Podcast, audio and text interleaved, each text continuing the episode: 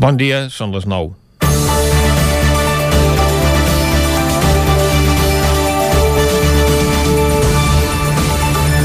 Aquests dies veiem al carrer com joves i no tan joves surten a protestar contra l'empresonament de Pablo Hasél o amb l'excusa de l'empresonament del raper perquè moltes d'aquestes concentracions acaben amb actes de violència al carrer, saquejos, destrosses i fins i tot, com vam veure dissabte, la crema d'una furgoneta de la Guàrdia Urbana de Barcelona amb el seu conductor a dins.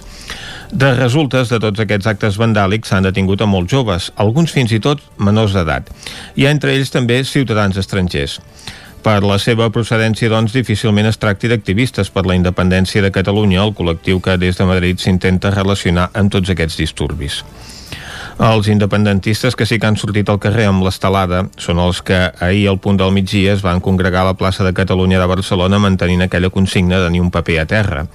Per perfil, procedència d'arreu del territori i una mitjana d'edat molt superior, tenien ben poc a veure amb els que la munten cada nit.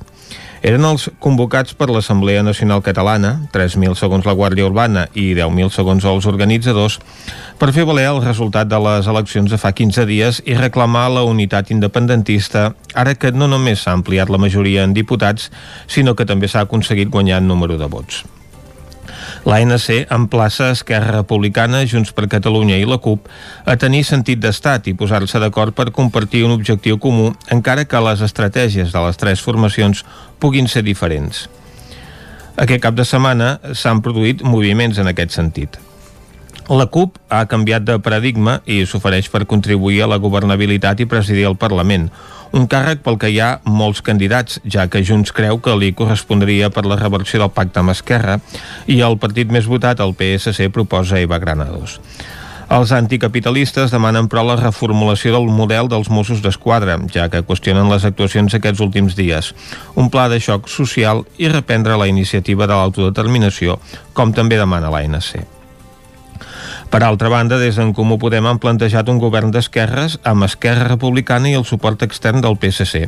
És a dir, un govern en una situació de tanta minoria que només estaria format per 41 diputats, la segona i la sisena força més votades que no sumen ni un terç a la cambra. Ja sabem que els comuns i Junts es veten conjuntament en un futur govern de coalició. Els primers consideren de dretes els postconvergents, tot i que no tenen tants inconvenients a votar el mateix que la dreta espanyola quan es tracta de temes relacionats amb el procés, que és precisament el que li retreuen els altres. El més sorprenent de tot és que els comuns no comptin amb la CUP per un possible govern d'esquerres. Potser és que no els consideren d'esquerres, o potser serà perquè els anticapitalistes els han passat a davant i ells, incapaços de treure rèdit a la seva presència al govern espanyol, s'han quedat com estaven. Comencem Territori 17 a la sintonia del 9 FM, Ona Codinenca, Ràdio Cardedeu, La Veu de Sant Joan i el 9 TV. Territori 17, amb Vicenç Vigues i Jordi Sunyer.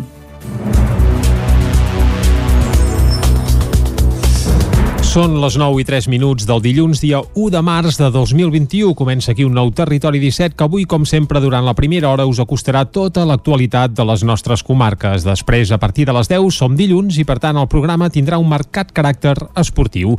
Avui repassarem com els han anat els equips del nostre territori la jornada del cap de setmana i acabarem fent tertúlia esportiva parlant de la Lliga de Primera Divisió amb els tertulians habituals. I, com cada dilluns, a més a més, també tindrem el Sol solidaris amb Eloi Puigferrer. Tot això i moltes coses més des d'ara mateix i fins a les 12 del migdia i com sempre el que fem arrencar, el que fem, perdó, és ara mateix arrencar posant-nos al dia tot fent un repàs a l'actualitat de les nostres comarques, les comarques del Ripollès, Osona, el Moianès i el Vallès Oriental.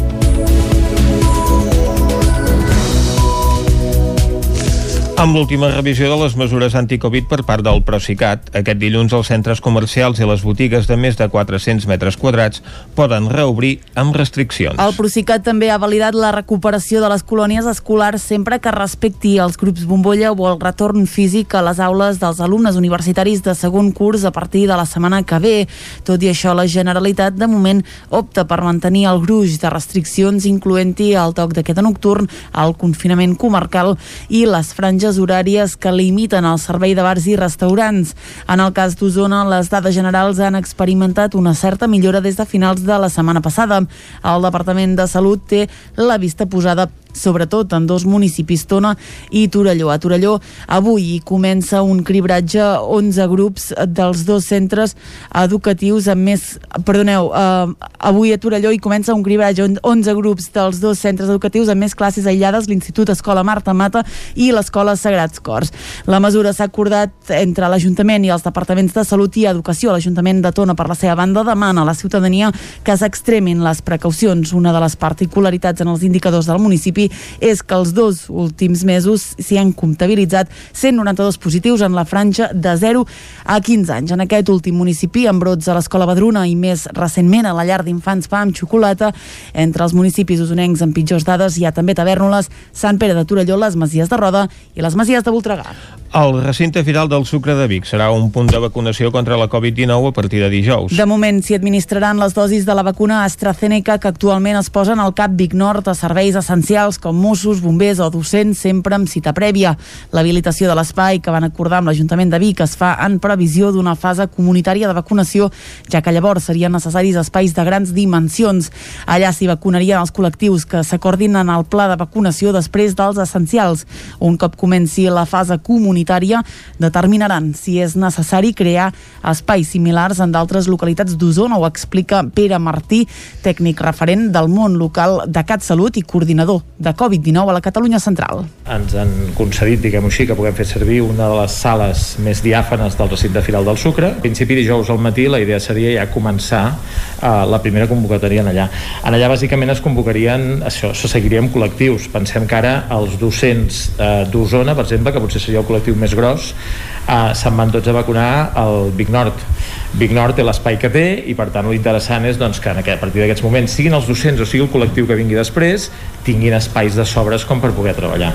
Sí que es notarà que quan comenci l'espai del sucre no veureu cues amb 1.000 i 2.000 i 3.000 persones. Lògicament, com sempre, ens marcarà el ritme d'entrada de vacunes, les comandes com arribin. D'altra banda, dimecres es col·locarà al Cap Vic Nord el primer dels dos mòduls de suport que Salut instal·larà a Osona, l'altre serà a Torelló. Els mòduls s'hi atendran als casos sospitosos de coronavirus i es posen als centres que tenen menys espais. La campanya de vacunació a persones dependents de més de 80 anys a Osona es fa als centres d'atenció primària, a centres de dia, però també a domicili o sense baixar el cotxe. A dins dels centres d'atenció primària, des de dins del cotxe amb la porta oberta o sense moure's de casa, són maneres de de vacunar que s'han pogut veure aquests darrers dies a Osona. Per exemple, al Voltreganès, a més de vacunar al cap de Sant Hipòlit, la vacuna també s'administra a domicili a persones dependents i als seus cuidadors. És el cas de la Maria del Carmen Sánchez i Venancio López, que viuen a Vinyoles. Sentim a Carmen Sánchez. Este hombre tiene que ir un, en una ambulancia un coche, no puede, porque no puede subir, no puede bajar, no puede... Y claro, venir a casa, pues un agradecimiento muy bueno.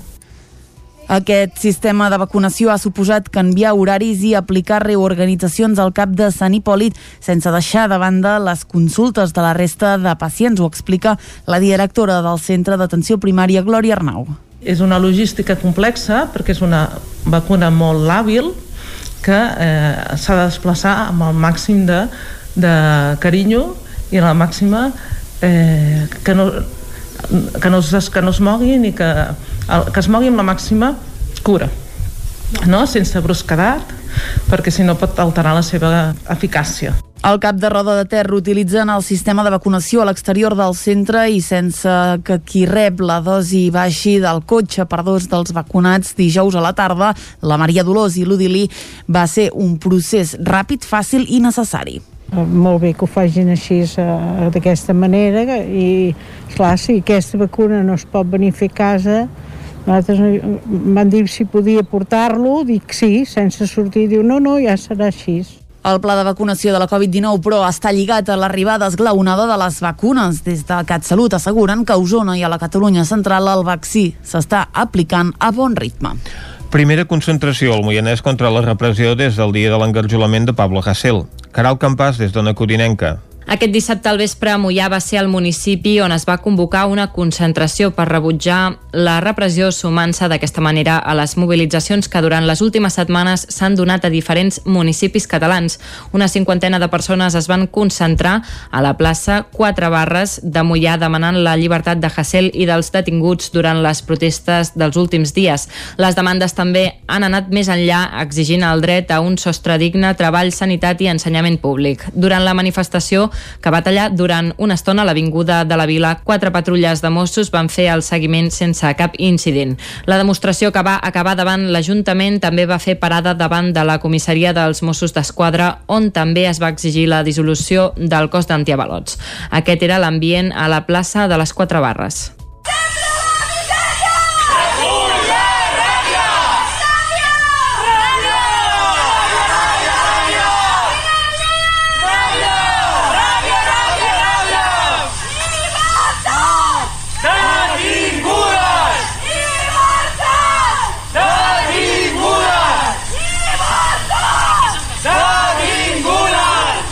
La concentració a Mollà és una més a les que durant aquest cap de setmana s'han donat a diferents punts del país i que van en augment com ha demostrat aquesta primera concentració al Moianès.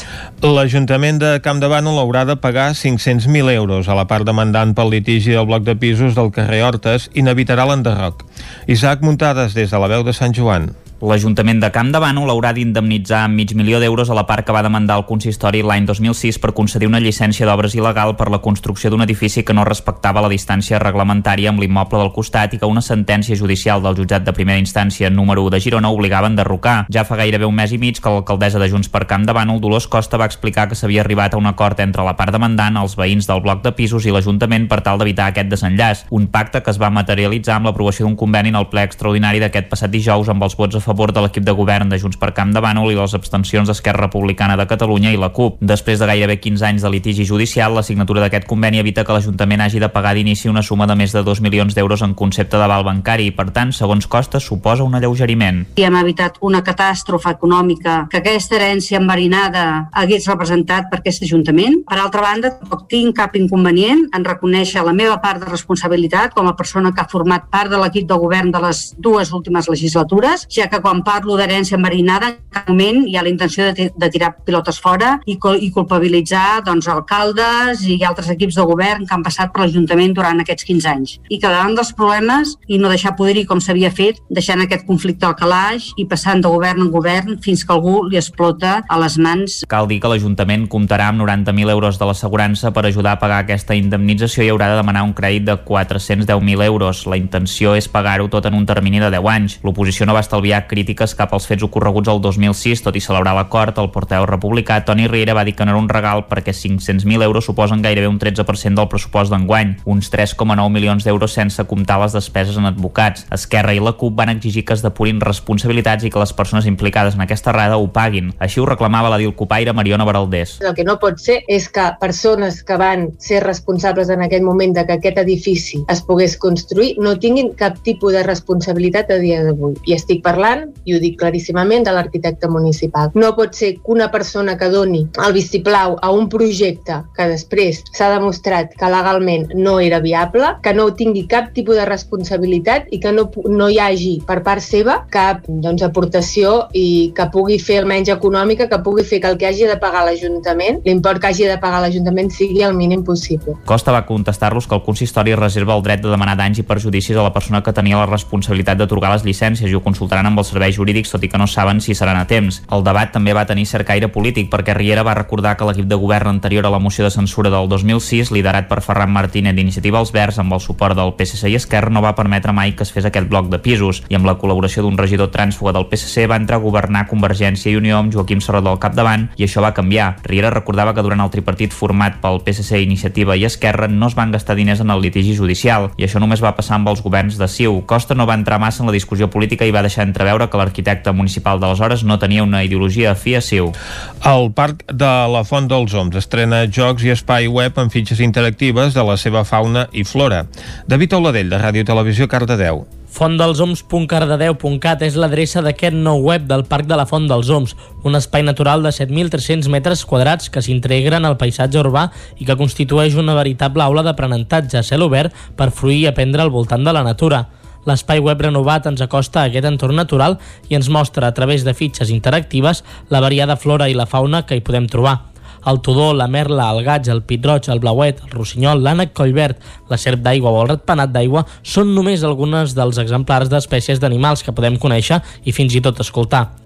El web es divideix en dos apartats que ens obren la mirada a dos paisatges i espècies diferenciats. La ribera, zona de la riera que flueix la muntanya de Vallforners, i l'alzinar, el mantell que cobreix gairebé tota la capçalera de Vallforners. Paral·lelament a la renovació de l'espai web a la zona de jocs de la Font dels Oms, s'han instal·lat nous elements, d'entre els quals unes estructures de troncs que s'integren en el paisatge i que potencien la motricitat i la imaginació dels infants. L'actuació s'ha complementat amb la reparació i ampliació d'alguns dels jocs ja existents. Tot s'ha completat amb nous plafons explicatius del Parc Natural. I fins aquí el butlletí informatiu que us hem ofert amb les veus de Vicenç Vigues, Clàudia Dinarès, David Auladell, Caral Campàs i Isaac Muntades. I ara el que toca, com sempre, després de la informació, és passar a fer un repàs a la meteorologia.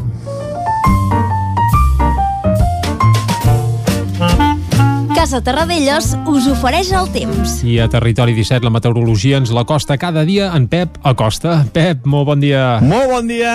Per fi és dilluns. I tant. Comencem Setmana una nova més. setmana laboral, Mhm. però com sempre fem una petita mirada al passat. Va. Parlem d'aquest cap de setmana pel que fa al temps, només el temps, eh? han passat moltíssimes coses. Sí, sí, però clar. pel que fa al temps no n'han passat tantes. Jo em pensava, sincerament... Que plouria més, eh? Torno a, a equivocar-me una mica. Sí, sí. jo em pensava dir. que tindríem alguna tempesta més, que plouria una mica més, sobretot divendres i dissabte tarda. Però molt poca cosa, molt poca cosa de ploure, mm, alguna petita precipitació cap al Lluçanès, mm, cap al Pirineu també, però, però bueno, mm, molt, molt poca cosa, eh? Uh, vam tenir una petita entrada de gota freda, una petita entrada d'aire fred, i on més es va notar va ser cap a, cap a Lleida, cap al Pirineu de Lleida, que allà sí que va ploure i nevava bastant. Però a la part oriental, a les nostres comarques, mm, ben poca cosa es va, es va notar, eh? molt, molt poc, molt poc, molt poca incidència meteorològica. L'únic que sí que ha fet aquesta entrada d'una mica d'aire fred, de gota freda, ha fet que les temperatures baixessin. Hem tingut un cap de setmana no tan suau eh, com tota la setmana passada, i és que les temperatures no han passat de 17-18 graus les màximes. I ja anem al present, ja entrem al present, perquè, com deia, el cap de setmana tampoc no ha tingut molts al·licients meteorològics, només, només aquests, aquesta petita entrada d'aire fred, i que han caigut quatre gotes cap a la comarca d'Osona, Ripollès, però ja et dic quatre gotes. Anem al present. Aquesta nit ha fet més fred. S'ha notat. Les glaçades han sigut més intenses i més extenses. Per fi, i era hora. I és que comença el mes de març amb una mica més de fred. Uh, ja direm dades del mes de febrer, però ha sigut, jo crec, de, el més càlid de, de la història, diria, en alguns llocs. Eh? Ahir, eh, l'espai del temps de TV3, ja van formular algunes dades eh, amb una temperatura mitjana molt, molt per sobre del que seria habitual. Ho confirmem en els pròxims dies, però ha sigut un, un mes especialment càlid a Catalunya al febrer. Demà el repassarem. Uh, dit Va, això, anem Manel ara sí ja pel temps present, Anem com es temps, presenta va. març, com comença març. Comencem amb unes temperatures baixes aquest matí, només per sobre els 5 graus a punts del prelitoral. I és que el prelitoral eh, ha quedat més núvols baixos, eh, més tapat, eh, i això és, quan hi ha núvols, és com un matalàs eh, que no permet que la temperatura baixi més i sí que ha baixat en canvi Osona, Mollanès, Ripollès, com dic, hi ha hagut glaçades més intenses i extenses, als cims més alts del Pirineu, a les poblacions més fredes del Ripollès, també en alguna, en alguna d'Osona, i també ha glaçat els cims més alts del prelitoral i del transversal. Per tant, hi ha hagut més glaçades, per fi hi ha hagut una mica més de, de fred aquesta nit. Mm, serà un dia tranquil. El març comença amb anticicló Tot i això, aquests núvols baixos, aquesta mala visibilitat, eh, no marxarà sobretot del preditoral, eh, més o menys de Mollà i de Vic cap al sud. En aquestes zones, tot el dia, bastant nuvolat. Independentment, també que una nuvolada a zones de muntanya, sobretot cap al Pirineu. Nuvolades que creixeran i que no deixaran cap precipitació. Mm, no es descarten quatre gotes, però és que és quasi impossible, eh? he mirat a, tots els mapes i cap mapa diu que, que hagi de, de ploure aquesta tarda. Això sí, que seran nuvolades. I les temperatures potser un o dos graus més altes que les d'ahir.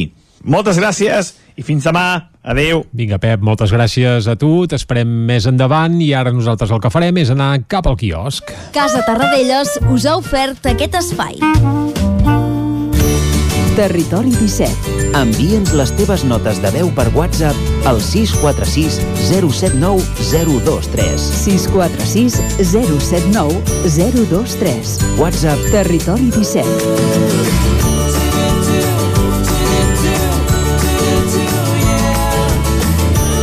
Territori 17. Som a Facebook, Twitter i Instagram amb l'usuari Territori 17.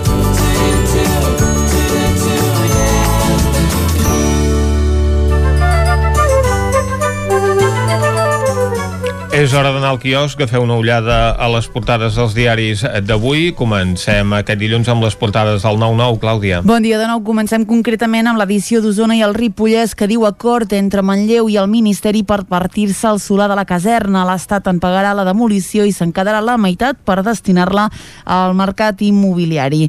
Més titulars, preocupació per l'augment de contagis dels últims dies a Tona i a Torelló. Can Davànol pagarà mig milió d'euros per evitar l'enderroc d'un bloc amb llicència il·legal. Mor un veí de Centelles en un accident de bici a Vilallaons i en esports el Vic goleja el Tona a domicili en la represa del futbol de primera catalana. Anem a l'edició del Vallès Oriental que diu 14 municipis del Vallès es coordinen per controlar l'augment dels senglars.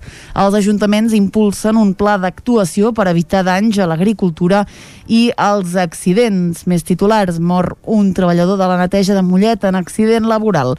Granollers decidirà en 15 dies si suspèn o no la sanció i demanen 28 anys de presó per un home de parets que va tancar un fill una setmana en una habitació a les fosques.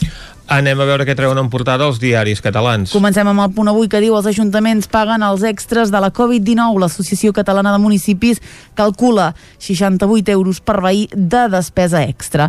A la imatge clam per un govern independentista fort. Forcadell, aquí també veiem a la imatge, apel als comuns a sumar-se a un govern ampli i dures crítiques a l'atac contra la Guàrdia Urbana.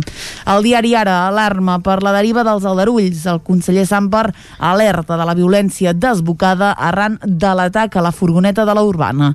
Les eleccions del 14F, canviem de tema, no disparen els contagis per coronavirus i en esports Font i La Porta capitalitzen el primer debat dels tres candidats. El periòdico Front Empresarial i Polític contra la violència al carrer. A la imatge, botellón sense mascareta ni distància de seguretat. El born i la pandèmia dispara la ludopatia online.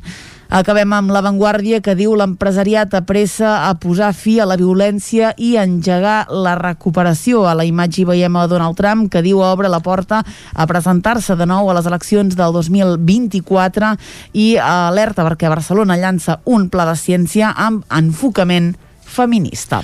Anem a veure de què parlen els diaris de Madrid. Comencem amb el país que diu els policies demanen empara davant la violència a Barcelona. Els sindicats policials reclamen suport polític i més mitjans davant del que la Generalitat reconeix que és violència pura, desbocada i inaudita.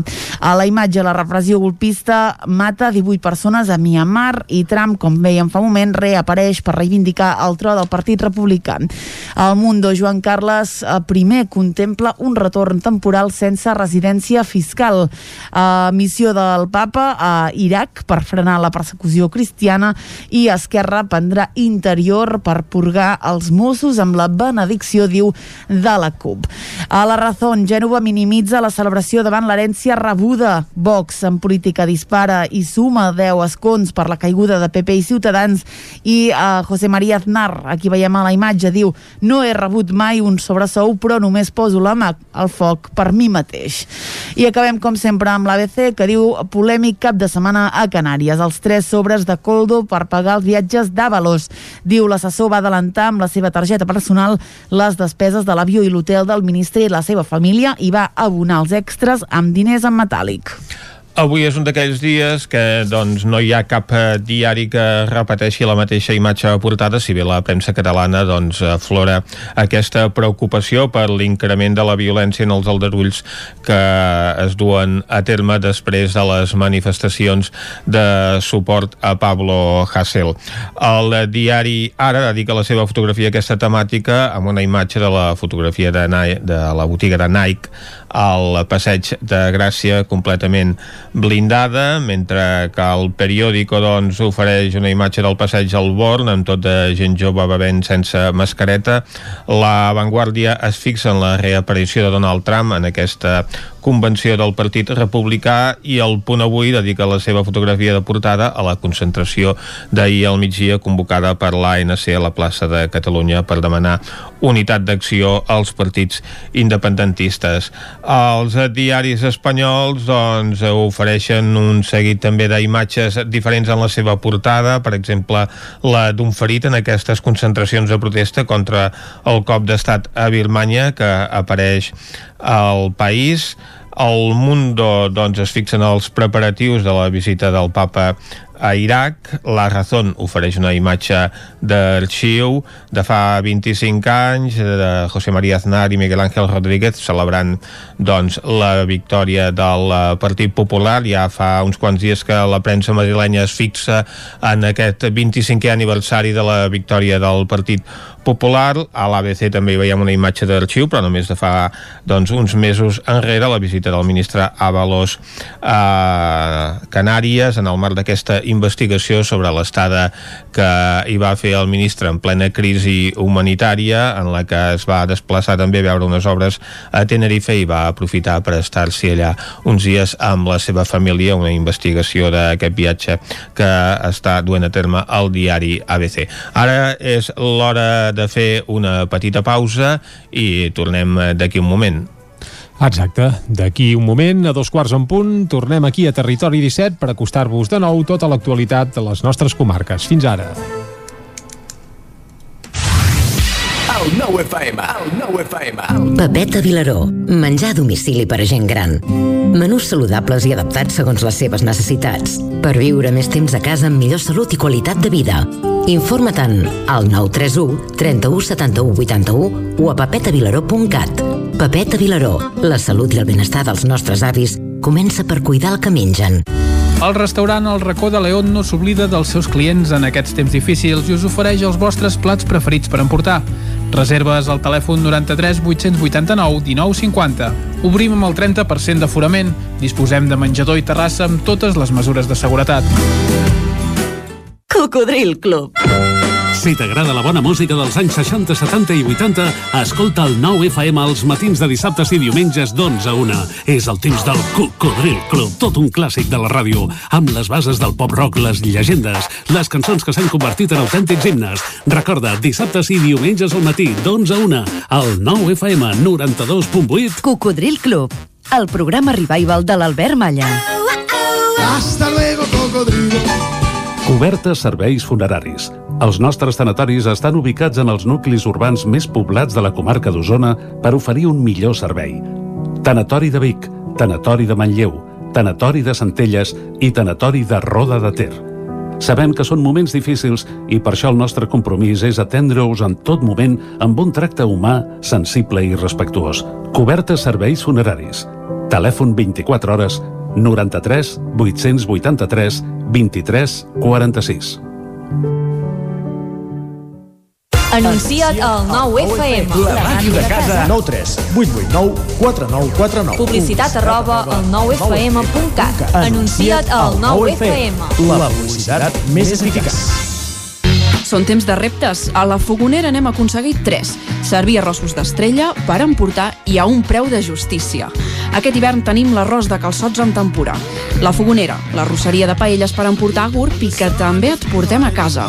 Telèfon 93 851 55 75 i a lafogonera.cat. I quan cau la nit, Pupurri Culinari, solucions per sopar les nits de divendres i dissabte. Entra a pupurriculinari.cat i tria. A Vic, T52, un taller d'emocions. Una celebració, un reconeixement, un record, la victòria, el premi. Tenim una solució personalitzada per a cada ocasió. Ens trobaràs al centre, al carrer 941 i també a l'Horta Vermella, al carrer Menéndez Pelayo 31. Més informació a t52.cat. El nou FM, el nou FM, el nou FM, el nou FM, el nou FM. Territori 17, amb Vicenç Vigues i Jordi Sunyer. Són dos quarts de deu en punt d'avui dimà, dilluns, volem dir, dia 1 de març de 2021, primer dia del mes de març. El que farem ara de seguida és acostar-vos de nou tota l'actualitat de les nostres comarques aquí a Territori 17. Després, a partir de les 10, un nou butlletí informatiu, avui els solidaris, amb Eloi Puigferrer, i també parlarem molt d'esports. Per què? Doncs perquè farem un repàs a com els han anat els equips dels nostres territoris aquest cap de setmana i acabarem fent tertúlia esportiva parlant de primera divisió de futbol. Ara el que toca, però, és acostar-vos de nou l'actualitat de les nostres comarques, les comarques del Ripollès, Osona, el Moianès i el Vallès Oriental.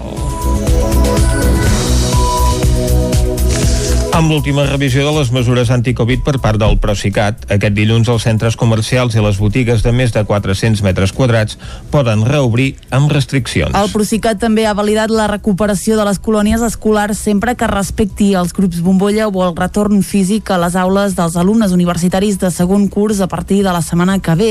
Tot i això, la Generalitat de moment opta per mantenir el gruix de restriccions incloent-hi el toc de queda nocturn, el confinament comarcal i les franges horàries que limiten el servei de bars i restaurants. En el cas d'Osona, les dades generals han experimentat una certa millora des de finals de la setmana passada. El Departament de Salut té la vista posada sobretot en dos municipis, Tona i Torelló. A Torelló avui hi comença un cribratge 11 grups dels dos centres educatius amb més... Perdoneu, eh, avui a Torelló hi comença un cribratge 11 grups dels dos centres educatius amb més classes aïllades, l'Institut Escola Marta Mata i l'Escola Sagrats Cors. La mesura s'ha acordat entre l'Ajuntament i els departaments de Salut i Educació. L'Ajuntament de Tona, per la seva banda, demana a la ciutadania que s'extremin les precaucions. Una de les particularitats en els indicadors del municipi és que els dos últims mesos s'hi han comptabilitzat 192 positius en la franja de 0 a 15 anys. En aquest últim municipi, amb brots a l'Escola Badruna i més recentment a la llar d'infants Pa amb xocolata, entre els municipis usonencs amb pitjors dades hi ha també Tavernoles, Sant Pere de Torelló, les Masies de Roda i les Masies de Voltregà.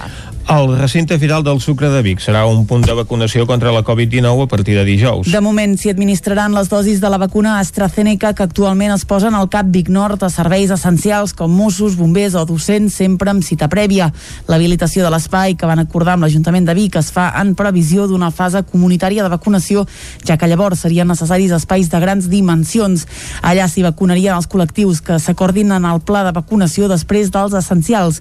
Un cop comenci la fase comunitària, determinaran si és necessari crear espais similars en d'altres localitats d'Osona, ho explica Pere Martí, tècnic referent del món local de CatSalut i coordinador de Covid-19 a la Catalunya Central. Ens han concedit, diguem-ho així, que puguem fer servir una de les sales més diàfanes del recinte Firal del Sucre. A principi dijous al matí la idea seria ja començar uh, la primera convocatòria en allà.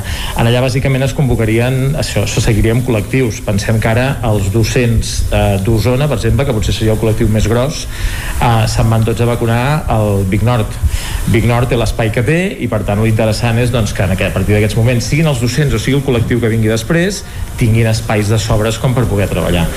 Sí que es notarà que quan comenci l'espai del sucre no veureu cues amb 1.000 i 2.000 i 3.000 persones. Lògicament, com sempre, ens marcarà el ritme d'entrada de vacunes, les comandes com arribin. D'altra banda, dimecres es col·locarà al CAP Vic Nord el primer dels dos mòduls de suport que Salut instal·larà a Osona, l'altre serà a Torelló. Els mòduls s'hi atendran als casos sospitosos de coronavirus i es posen als centres que tenen menys espais. La campanya de vacunació a persones dependents de més de 80 anys a Osona es fa als centres d'atenció primària, a centres de dia, però també a domicili o sense baixar el cotxe. A dins dels centres d'atenció primària, des de dins del cotxe amb la porta oberta o sense moure's de casa, són maneres de de vacunar que s'han pogut veure aquests darrers dies a Osona. Per exemple, al Voltreganès, a més de vacunar al cap de Sant Hipòlit, la vacuna també s'administra a domicili a persones dependents i als seus cuidadors. És el cas de la Maria del Carmen Sánchez i Venancio López, que viuen a Vinyoles. Sentim a Carmen Sánchez. Este hombre tiene que ir un, en una ambulancia o un coche, no puede, porque no puede subir, no puede bajar, no puede. Y claro, venir a casa, pues un agradecimiento muy bueno. Aquest sistema de vacunació ha suposat canviar horaris i aplicar reorganitzacions al cap de Sant Hipòlit sense deixar de banda les consultes de la resta de pacients, ho explica la directora del Centre d'Atenció Primària, Glòria Arnau. És una logística complexa perquè és una vacuna molt làbil que eh, s'ha de desplaçar amb el màxim de, de carinyo i la màxima eh, que no, que no, es, que no es moguin i que, que es mogui amb la màxima cura no? sense brusquedat perquè si no pot alterar la seva eficàcia el cap de Roda de Ter utilitzen el sistema de vacunació a l'exterior del centre i sense que qui rep la dosi baixi del cotxe per dos dels vacunats dijous a la tarda, la Maria Dolors i l'Udilí va ser un procés ràpid, fàcil i necessari. Molt bé que ho facin així uh, d'aquesta manera i, clar, si aquesta vacuna no es pot venir a fer a casa nosaltres van dir si podia portar-lo, dic sí, sense sortir, diu no, no, ja serà així. El pla de vacunació de la Covid-19, però, està lligat a l'arribada esglaonada de les vacunes. Des de CatSalut asseguren que a Osona i a la Catalunya central el vaccí s'està aplicant a bon ritme. Primera concentració al Moianès contra la repressió des del dia de l'engarjolament de Pablo Hasél. Caral Campàs, des d'Ona Codinenca. Aquest dissabte al vespre a Mollà va ser el municipi on es va convocar una concentració per rebutjar la repressió sumant-se d'aquesta manera a les mobilitzacions que durant les últimes setmanes s'han donat a diferents municipis catalans. Una cinquantena de persones es van concentrar a la plaça Quatre Barres de Mollà demanant la llibertat de Hassel i dels detinguts durant les protestes dels últims dies. Les demandes també han anat més enllà exigint el dret a un sostre digne, treball, sanitat i ensenyament públic. Durant la manifestació que va tallar durant una estona a l'Avinguda de la Vila. Quatre patrulles de Mossos van fer el seguiment sense cap incident. La demostració que va acabar davant l'Ajuntament també va fer parada davant de la comissaria dels Mossos d'Esquadra, on també es va exigir la dissolució del cos d'antiavalots. Aquest era l'ambient a la plaça de les Quatre Barres.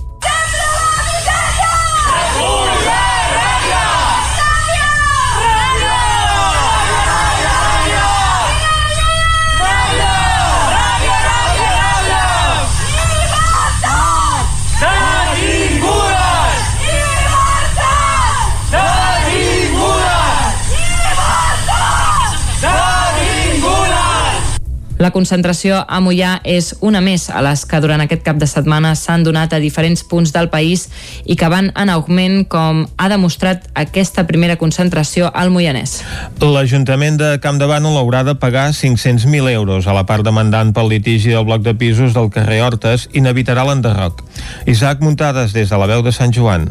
L'Ajuntament de Camp de Bànol haurà d'indemnitzar amb mig milió d'euros a la part que va demandar el consistori l'any 2006 per concedir una llicència d'obres il·legal per la construcció d'un edifici que no respectava la distància reglamentària amb l'immoble del costat i que una sentència judicial del jutjat de primera instància número 1 de Girona obligava a enderrocar. Ja fa gairebé un mes i mig que l'alcaldessa de Junts per Camp de Bànol, Dolors Costa, va explicar que s'havia arribat a un acord entre la part demandant, els veïns del bloc de pisos i l'Ajuntament per tal d'evitar aquest desenllaç. Un pacte que es va materialitzar amb l'aprovació d'un conveni en el ple extraordinari d'aquest passat dijous amb els vots a favor de l'equip de govern de Junts per Camp de Bànol i les abstencions d'Esquerra Republicana de Catalunya i la CUP. Després de gairebé 15 anys de litigi judicial, la signatura d'aquest conveni evita que l'Ajuntament hagi de pagar d'inici una suma de més de 2 milions d'euros en concepte d'aval bancari i, per tant, segons Costa, suposa un alleugeriment. I hem evitat una catàstrofe econòmica que aquesta herència enverinada hagués representat per aquest Ajuntament. Per altra banda, tampoc tinc cap inconvenient en reconèixer la meva part de responsabilitat com a persona que ha format part de l'equip de govern de les dues últimes legislatures, ja que quan parlo d'herència enverinada, en cap moment hi ha la intenció de, de tirar pilotes fora i, i culpabilitzar doncs, alcaldes i altres equips de govern que han passat per l'Ajuntament durant aquests 15 anys. I que davant dels problemes i no deixar poder-hi com s'havia fet, deixant aquest conflicte al calaix i passant de govern en govern fins que algú li explota a les mans Cal dir que l'Ajuntament comptarà amb 90.000 euros de l'assegurança per ajudar a pagar aquesta indemnització i haurà de demanar un crèdit de 410.000 euros. La intenció és pagar-ho tot en un termini de 10 anys. L'oposició no va estalviar crítiques cap als fets ocorreguts el 2006, tot i celebrar l'acord, el porteu republicà Toni Riera va dir que no era un regal perquè 500.000 euros suposen gairebé un 13% del pressupost d'enguany, uns 3,9 milions d'euros sense comptar les despeses en advocats. Esquerra i la CUP van exigir que es depurin responsabilitats i que les persones implicades en aquesta errada ho paguin. Així ho reclamava la Dilcopaire Mariona Baraldés. El que no pot ser és que persones que van ser responsables en aquell moment de que aquest edifici es pogués construir no tinguin cap tipus de responsabilitat a dia d'avui. I estic parlant,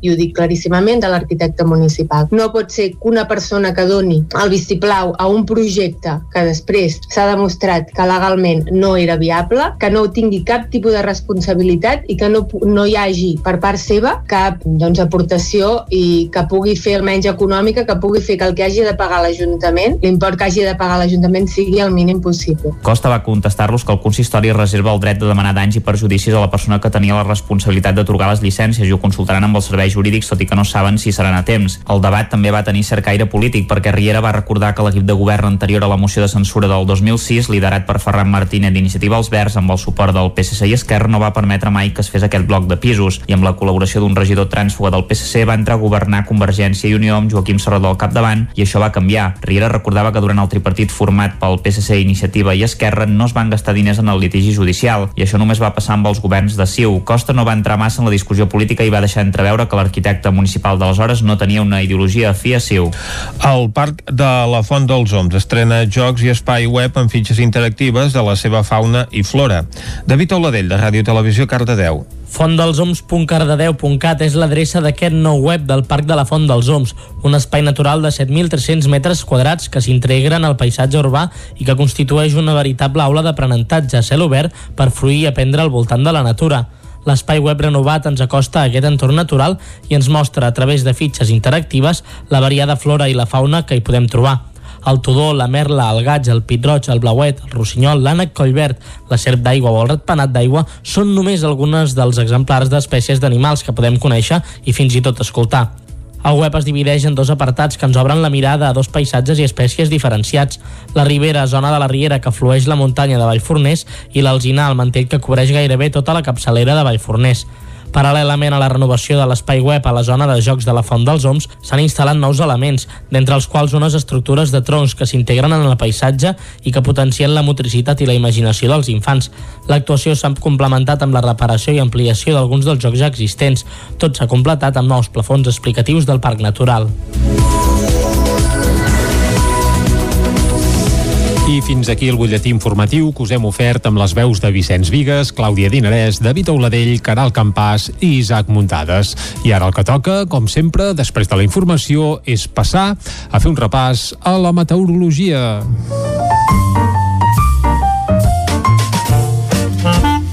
Casa Terradellos us ofereix el temps. I a Territori 17 la meteorologia ens la costa cada dia en Pep Acosta. Pep, molt bon dia. Molt bon dia. Per fi és dilluns. I tant. Comencem Setmana una nova més. setmana laboral, però com sempre fem una petita mirada al passat. Va. Parlem d'aquest cap de setmana pel que fa al temps, només el temps, eh? han passat moltíssimes coses, Sí, sí, però clar. pel que fa al temps no n'han passat tantes. Jo em pensava, sincerament... Que plouria més, eh? Torno a, a equivocar-me una mica. Sí, jo em pensava dir. que tindríem alguna tempesta més, que plouria una mica més, sobretot divendres i dissabte tarda. Però molt poca cosa, molt poca cosa a ploure, mm, alguna petita precipitació cap al Lluçanès, cap al Pirineu també, però, però bueno, mm, molt, molt poca cosa, eh? Uh, vam tenir una petita entrada de gota freda, una petita entrada d'aire fred, i on més es va notar va ser cap a, cap a Lleida, cap al Pirineu de Lleida, que allà sí que va ploure i nevava bastant. Però a la part oriental, a les nostres comarques, mm, ben poca cosa es va, es va notar, eh? molt, molt poc, molt poc, molt poca incidència meteorològica. L'únic que sí que ha fet aquesta entrada d'una mica d'aire fred, de gota freda, ha fet que les temperatures baixessin. Hem tingut un cap de setmana no tan suau eh, com tota la setmana passada i és que les temperatures no han passat de 17-18 graus les màximes. I ja anem al present, ja entrem al present, perquè, com deia, el cap de setmana tampoc no ha tingut molts al·licients meteorològics, només, només aquests, aquesta petita entrada d'aire fred i que han caigut quatre gotes cap a la comarca d'Osona, Ripollès, però ja et dic quatre gotes. Anem al present. Aquesta nit ha fet més fred. S'ha notat. Les glaçades han sigut més intenses i més extenses. Per fi hi era hora. I és que comença el mes de març amb una mica més de fred. Uh, ja diríem dades del mes de febrer, però ha sigut, jo crec, de, el més càlid de, de la història, diria, en alguns llocs. Eh? Ahir, eh, l'espai del temps de TV3, ja van formular algunes dades, eh, amb una temperatura mitjana molt, molt per sobre del que seria habitual, ho confirmem en els pròxims dies, uh -huh. però ha sigut un, un mes especialment càlid a Catalunya al febrer. Demà el repassarem. Uh, dit Va, això, Man- anem Manel ara sí ja pel temps present, Anem com es temps, presenta va. març, com comença març. Comencem amb unes temperatures baixes aquest matí, només per sobre els 5 graus a punts del prelitoral. I és que el prelitoral eh, ha quedat més núvols baixos, eh, més tapat, eh, i això és, quan hi ha núvols, és com un matalàs eh, que no permet que la temperatura baixi més i sí que ha baixat en canvi Osona, Moianès, Ripollès, com dic, hi ha hagut glaçades més intenses i extenses, als cims més alts del Pirineu, a les poblacions més fredes del Ripollès, també en alguna, en alguna d'Osona, i també ha glaçat els cims més alts del prelitoral i del transversal. Per tant, hi ha hagut més glaçades, per fi hi ha hagut una mica més de, de fred aquesta nit. Mm, serà un dia tranquil. El març comença amb anticicló. Tot i això, aquests núvols baixos, aquesta mala visibilitat, eh, no marxarà sobretot del prelitoral, eh, més o menys de Mollà i de Vic cap al sud. Eh, en aquestes zones, tot el dia bastant nuvolat. Independentment, també creixerà una nuvolada a zones de muntanya, sobretot cap al Pirineu. Nuvolades que creixeran i que no deixaran cap precipitació. Mm, no es descarten quatre gotes, però és que és quasi impossible, eh? he mirat a tots els mapes i cap mapa diu que, que hagi de, de ploure aquesta tarda. Això sí, que seran nuvolades. I les temperatures potser un o dos graus més altes que les d'ahir. Moltes gràcies i fins demà. Adeu. Vinga, Pep, moltes gràcies a tu. T'esperem més endavant i ara nosaltres el que farem és anar cap al quiosc. Casa Tarradellas us ha ofert aquest espai. Territori 17. Envia'ns les teves notes de veu per WhatsApp al 646 079 023. 646 079 023. WhatsApp Territori 17.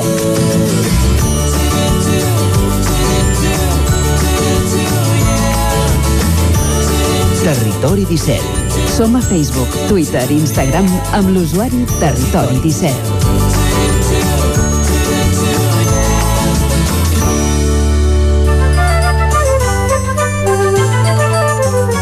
És hora d'anar al quiosc a fer una ullada a les portades dels diaris d'avui. Comencem aquest dilluns amb les portades del 9-9, Clàudia. Bon dia de nou. Comencem concretament amb l'edició d'Osona i el Ripollès que diu acord entre Manlleu i el Ministeri per partir-se el solar de la caserna. L'Estat en pagarà la demolició i se'n quedarà la meitat per destinar-la al mercat immobiliari. Més titulars, preocupació per l'augment de contagis dels últims dies a Tona i a Torelló. Can Davànol pagarà mig milió d'euros per evitar l'enderroc d'un bloc amb llicència il·legal.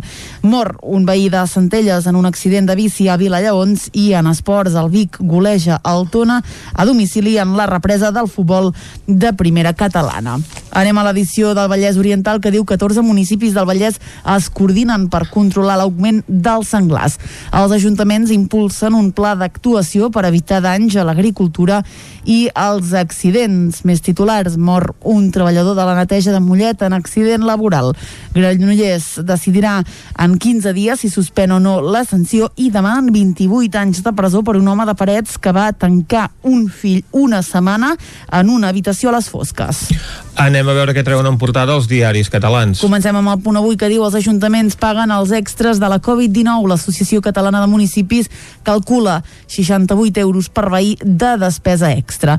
A la imatge clam per un govern independentista fort. Forcadell, aquí també veiem a la imatge, apel als comuns a sumar-se a un govern ampli i dures crítiques a l'atac contra la Guàrdia Urbana. El diari Ara alarma per la deriva dels aldarulls. El conseller Samper alerta de la violència desbocada arran de l'atac a la furgoneta de la Urbana.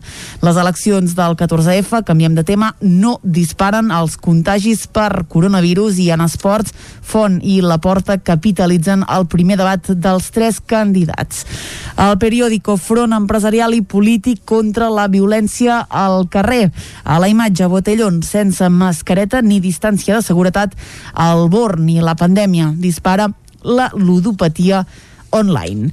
Acabem amb l'avantguàrdia que diu l'empresariat apressa a posar fi a la violència i engegar la recuperació. A la imatge hi veiem a Donald Trump que diu obre la porta a presentar-se de nou a les eleccions del 2024 i alerta perquè Barcelona llança un pla de ciència amb enfocament feminista.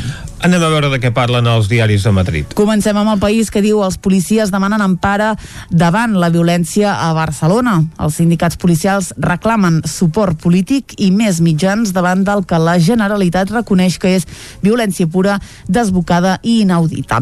A la imatge, la repressió golpista mata 18 persones a Myanmar i Trump, com veiem fa un moment, reapareix per reivindicar el tro del Partit Republicà. Al Mundo, Joan Carles eh, primer contempla un retorn temporal sense residència fiscal. Uh, missió del papa a Iraq per frenar la persecució cristiana i Esquerra prendrà interior per purgar els Mossos amb la benedicció, diu, de la CUP.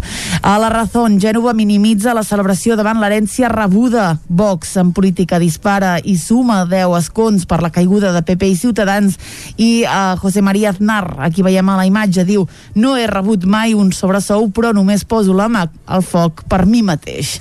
I acabem, com sempre, amb l'ABC, que diu polèmic cap de setmana a Canàries. Els tres sobres de Coldo per pagar els viatges d'Avalos. Diu l'assessor va adelantar amb la seva targeta personal les despeses de l'avió i l'hotel del ministre i la seva família i va abonar els extras amb diners en metàl·lic. Avui és un d'aquells dies que doncs, no hi ha cap eh, diari que repeteixi la mateixa imatge portada, si bé la premsa catalana doncs, aflora aquesta preocupació per l'increment de la violència en els aldarulls que es duen a terme després de les manifestacions de suport a Pablo Hasél. El diari Ara dedica la seva fotografia a aquesta temàtica amb una imatge de la fotografia de, Nike, de la botiga de Nike al passeig de Gràcia completament blindada, mentre que el periòdico doncs, ofereix una imatge del passeig al Born amb tota gent jove bevent sense mascareta. La Vanguardia es fixa en la reaparició de Donald Trump en aquesta convenció del Partit Republicà i el punt avui dedica la seva fotografia de portada a la concentració d'ahir al migdia convocada per l'ANC a la plaça de Catalunya per demanar unitat d'acció als partits independentistes. Els diaris espanyols doncs, ofereixen un seguit també d'imatges diferents en la seva portada, per exemple la d'un ferit en aquestes concentracions de protesta contra el cop d'estat a Birmania que apareix al país. El Mundo doncs, es fixen els preparatius de la visita del papa a Iraq. La Razón ofereix una imatge d'arxiu de fa 25 anys de José María Aznar i Miguel Ángel Rodríguez celebrant doncs, la victòria del Partit Popular. Ja fa uns quants dies que la premsa madrilenya es fixa en aquest 25è aniversari de la victòria del Partit Popular. A l'ABC també hi veiem una imatge d'arxiu, però només de fa doncs, uns mesos enrere la visita del ministre Avalos a Canàries en el marc d'aquesta investigació sobre l'estada que hi va fer el ministre en plena crisi humanitària en la que es va desplaçar també a veure unes obres a Tenerife i va aprofitar per estar-s'hi allà uns dies amb la seva família, una investigació d'aquest viatge que està duent a terme el diari ABC. Ara és l'hora de fer una petita pausa i tornem d'aquí un moment. Doncs vinga, el moment ja ha passat, uh, ja tornem a ser aquí perquè fins al punt de les 10 sempre tenim un raconet per dedicar a la música. I avui, seguint una mica la tònica de la setmana passada, eh, recularem 30 anys enrere i en l'òrbita internacional, Vicenç, fa 30 anys, què sonava a tot arreu? Et sona? Bueno, clar, moltes coses, Moltes eh? coses, evidentment, perquè Sí, sí, ja sé que no serà Michael Jackson, que No. sonava 30 anys enrere i venia discos a base de bé, igual que el Bruce Springsteen o la Madonna. Doncs va, una altra cosa que ho tronava, que ho petava, aleshores no es deia això de petar-ho, però vaja, el que sonava molt era el Red Hot Chili Peppers. Ahà. I, per exemple, una de les coses que hi, vaja, que escoltàvem molt era el Give It Away. Give, give it away, give it away, give it away. Sí, no, sí. Segur que la tens present, Oh, eh. Vicenç? Sí, sí. Doncs avui repescarem a, aquella peça, aquella mítica peça, però ho farem amb una gravació d'estrena.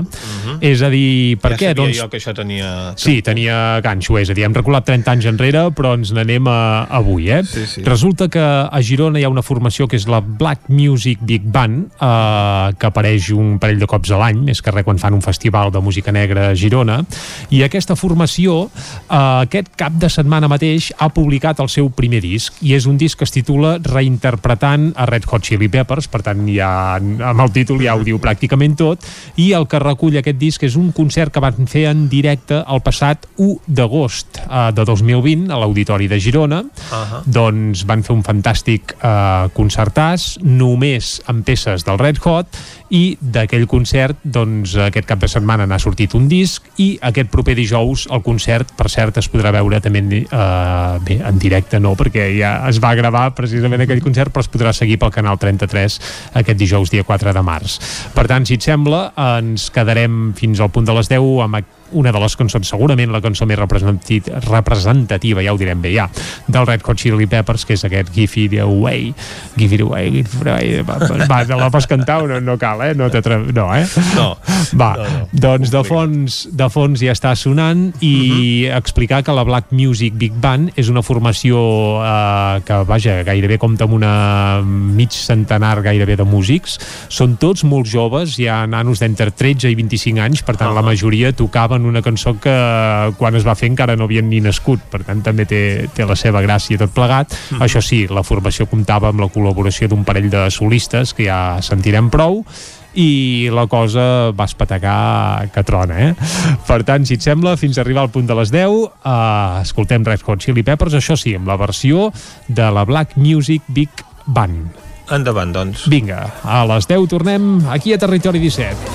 Vinga.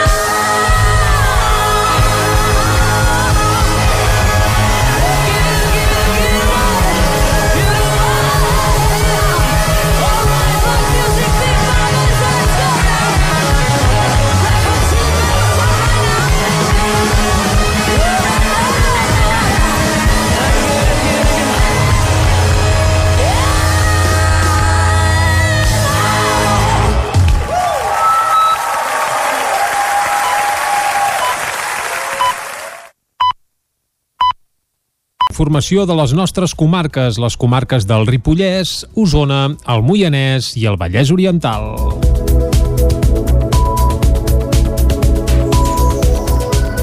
Mor un ciclista a la zona del bosc del Quer de Vilallaons a causa d'un accident. El ciclista de 71 anys i veí de Centelles es va accidentar en aquesta zona de Vilallaons aquest diumenge pels vols de dos quarts de 12 del migdia. Va patir un fort cop al cap. Al lloc dels, ve, dels fets s'hi van traslladar dues, eh, tres unitats del SEM, un dels quals eh, amb helicòpter, una dotació dels bombers, Mossos d'Esquadra i un altre helicòpter de la unitat sanitaritzada dels GRAE, el grup d'actuacions especials. Segons els bombers, quan hi van arribar als serveis d'emergències, l'home accidentat estava inconscient i en aturada. No van poder fer res per reanimar-lo.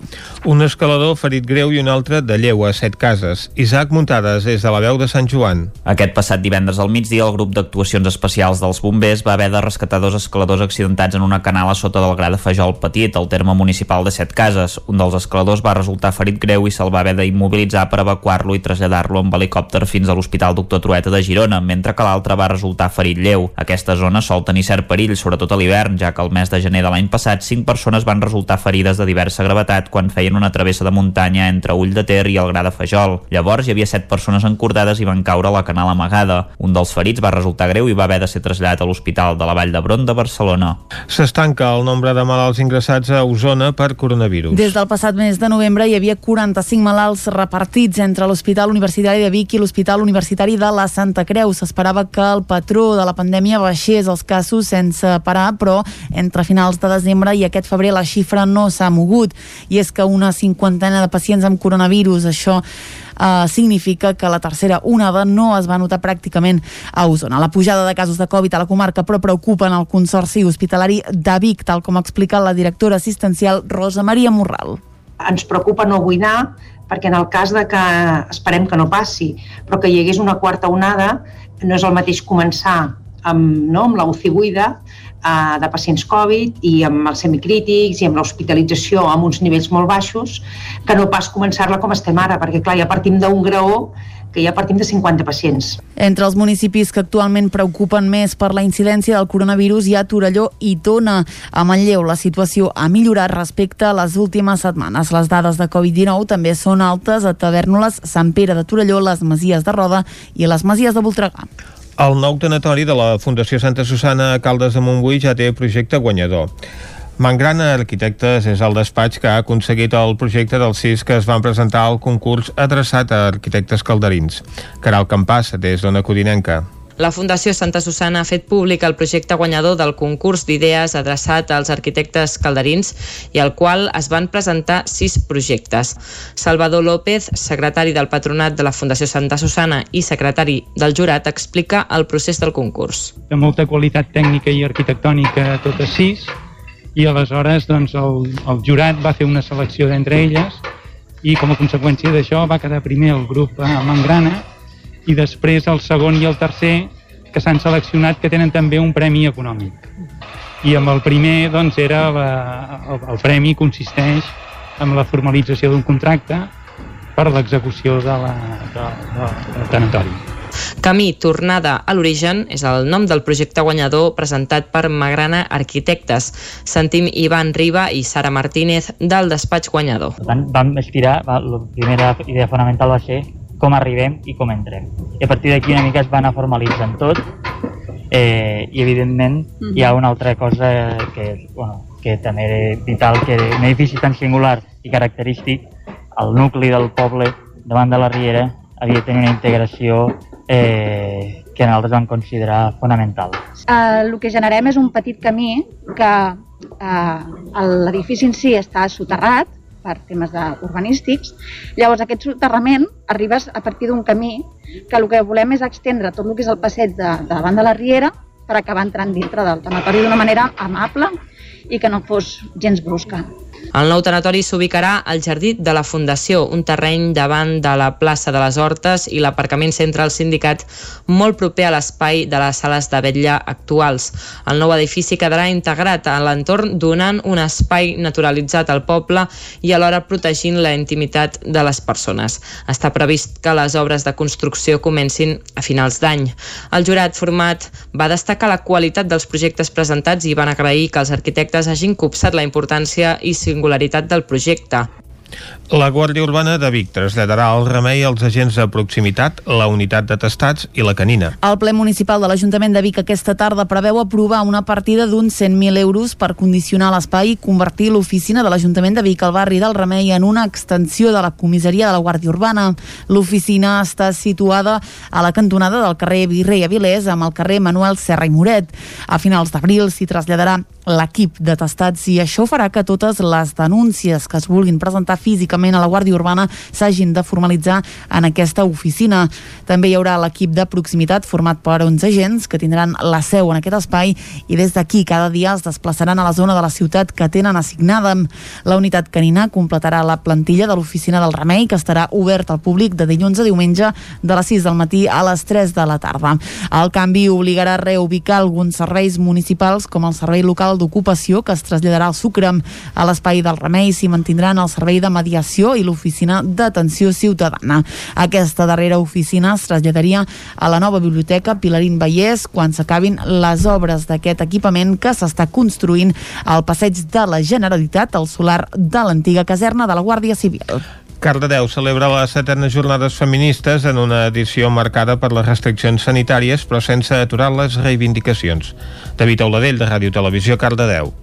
Setena edició de les Jornades Feministes de Cardedeu, organitzades per les associacions de l'esquerra independentista del municipi. Enguany, tres actes centrats en el que està passant en el moment actual de pandèmia i crisi econòmica.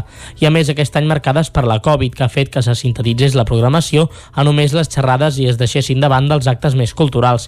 Eulàlia Duran, organitzadora de les Jornades Feministes si tirar endavant les jornades o no, però creiem que era imprescindible i més precisament en la conjuntura actual de crisi que estem vivint era més necessari que mai que hi hagués aquest espai per debatre sobre el feminisme i per posar-lo damunt de la taula i, i, i plantejar estratègies per tirar endavant. El que sí que hem fet és canviar de format, perquè sí que anys anteriors havíem inclòs també petits actes culturals o monòlegs o altres tipus d'activitats. Aquest any ens hem, ens hem reduït només a les, a les tres xerrades que hem fet. Les jornades van començar amb una xerrada centrada en la salut mental, el gènere i la pandèmia, de la mà de les companyes de Ràdio Nicòsia, i dissabte es va fer una taula rodona amb diferents col·lectius feministes com Hora Bruixa, les Ames de Manresa i Sindillar, el primer sindicat de treballadores de la llar i cures de Catalunya. Per acabar es va fer una altra xerrada en perspectiva econòmica i es va plantejar per què des del feminisme es necessita una sortida anticapitalista a la crisi actual de la mà de Laia Jovany i Roser Espelt, membres del Seminari d'Economia Crítica Taifa i de Catarsi Magazine. I fins aquí el butlletí informatiu de les 10 del matí que us hem ofert amb Vicenç Vigues, Clàudia Dinarès, David Auladell, Caral Campàs i Isaac Muntades. Ara el que toca és refrescar la informació meteorològica per saber el temps que ens espera per a les properes hores.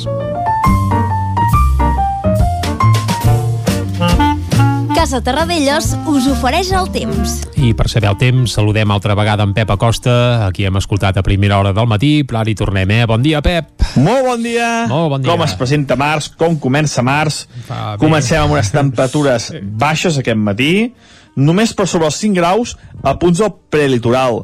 I és que el prelitoral eh, ha quedat més núvols baixos, eh, més tapat, eh, i això és quan hi ha núvols, és com un matalàs eh, que no permet que la temperatura baixi més i sí que ha baixat en canvi Osona, Mollanès, Ripollès, com dic, hi ha hagut glaçades més intenses i extenses, els cims més alts del Pirineu, les poblacions més fredes del Ripollès, també en alguna, en alguna d'Osona, i també ha glaçat els cims més alts del prelitoral i del transversal. Per tant, hi ha hagut més glaçades, per fi hi ha hagut una mica més de, de fred aquesta nit. Mm, serà un dia tranquil. El març comença amb anticicló. Tot i això, aquests núvols baixos, aquesta mala visibilitat, eh, no marxarà sobretot del prelitoral, eh, més o menys de Mollà i de Vic cap al sud. En aquestes zones, tot el dia bastant nuvolat. Independentment també queixarà una nuvolada a zones de muntanya, sobretot cap al Pirineu. Nuvolades que creixeran i que no deixaran cap precipitació. Mm, No es descarten quatre gotes, però és que és quasi impossible, eh? he mirat a tots els mapes i cap mapa diu que, que hagi de, de ploure aquesta tarda. Doncs Això sí, que seran cas. nuvolades. I les temperatures potser un o dos graus més altes que les d'ahir.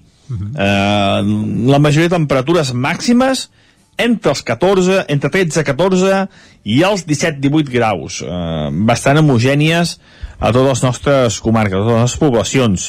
No hi haurà una disparitat de temperatures molt gran, serà bastant, bastant eh, semblants a les màximes a moltes poblacions de les nostres comarques. I això, comencem al març amb anticicló, però atenció, que ben aviat hi haurà canvis i sembla que bastant importants. Ah. Uh, Anem informant, ah. uh -huh. però sembla que torna una mica l'hivern i tornen les nevades i la pluja. Ja ho anirem confirmant els pròxims dies. Moltes gràcies i fins demà. Adéu. Vinga, moltes gràcies a tu, Pep, i Vicenç, sembla que s'acosten canvis, tu. Començarà el març i farà bo, bona la dita aquella del, del març marçot, mata la jove i la vella si pot, és a dir, que el març acostuma a ser un mes amb muntanyes russes i pel que ens diu el Pep Acosta pot ser que anem per aquí. Ho anirem seguint, evidentment. I avui, pel que fa a temperatures, ja ens deia en, en Pep també que eh, hem baixat un pèl, eh? Hi ha hagut alguna geladeta ja, potser. Sí, sí, de moment el eh, mes doncs, comença més fred del que estàvem acostumats aquest febrer perquè hi ha hagut diversos punts on ha glaçat. A Sant Pau de Segúries dues dècimes positives, eh, on sí que ha glaçat és a Montesquieu, 0 graus, mig grau negatiu a Caralps, un grau negatiu a Sora, un i mig negatiu al cim del Puig Solles, també a Planoles i a Camprodon, 4 graus negatius a Ull de Ter, 4 i mig a Núria, per tant, seria el Home, que és normal. Tampoc són, clar, és el que anava a dir, tampoc són gelades extraordinàries, eh? Mm -hmm. Però, efectivament, els punts més alts doncs, ha fet més fred, és el que tocaria. En canvi, a llocs on no hi estan tan acostumats a aigua freda, un grau. El termòmetre s'ha quedat a un grau positiu, que és una temperatura no gaire habitual, doncs, a aigua freda en un mes de març. Bé, fan honor al seu nom. Però bé... No ha plogut, de tota manera. D'aigua no L'aigua no n'hi ha caigut. sí. També a Sant Quirze de Besora, Olost, a Orís i a Perafita s'han quedat amb un grau de mínima, un grau i mig a dalt a Bellmunt, a Centelles, a Alpens, a Rupit, a Sant Martí Sescorre, a Santa Cecília de Voltregà, a Ceba, a Torelló, a Molló i al cim del Tagamanent i dos graus positius a Sant Sadurní d'Usormort. El nostre poble de capçalera que, Exacte. que vaja, que vist gelada almenys eh, on hi ha l'observatori meteorològic. Exacte, en tot el mes de març no ha glaçat a Sant Sadurní d'Usormort. Molt bé, m'he quedat amb una dada, eh, Vicenç? A Centelles, un grau i mig. Sí, un grau i mig a Centelles. Cap allà anirem ara a l'entrevista, sí? I un grau a aigua freda, perquè anem entre Centelles i aigua freda. Ah, a mig camí. A mig camí. Val, ho descobrirem de seguida. Vinga. Doncs anem cap allà, que em sembla que la temperatura ja s'hi ha enfilat un pèl. Uh, I anem de seguida. Fins ara. Casa Tarradellas us ha ofert aquest espai. Territori 17. Envia'ns les teves notes de veu per WhatsApp al 646 079 023. 646 079 023. WhatsApp Territori 17.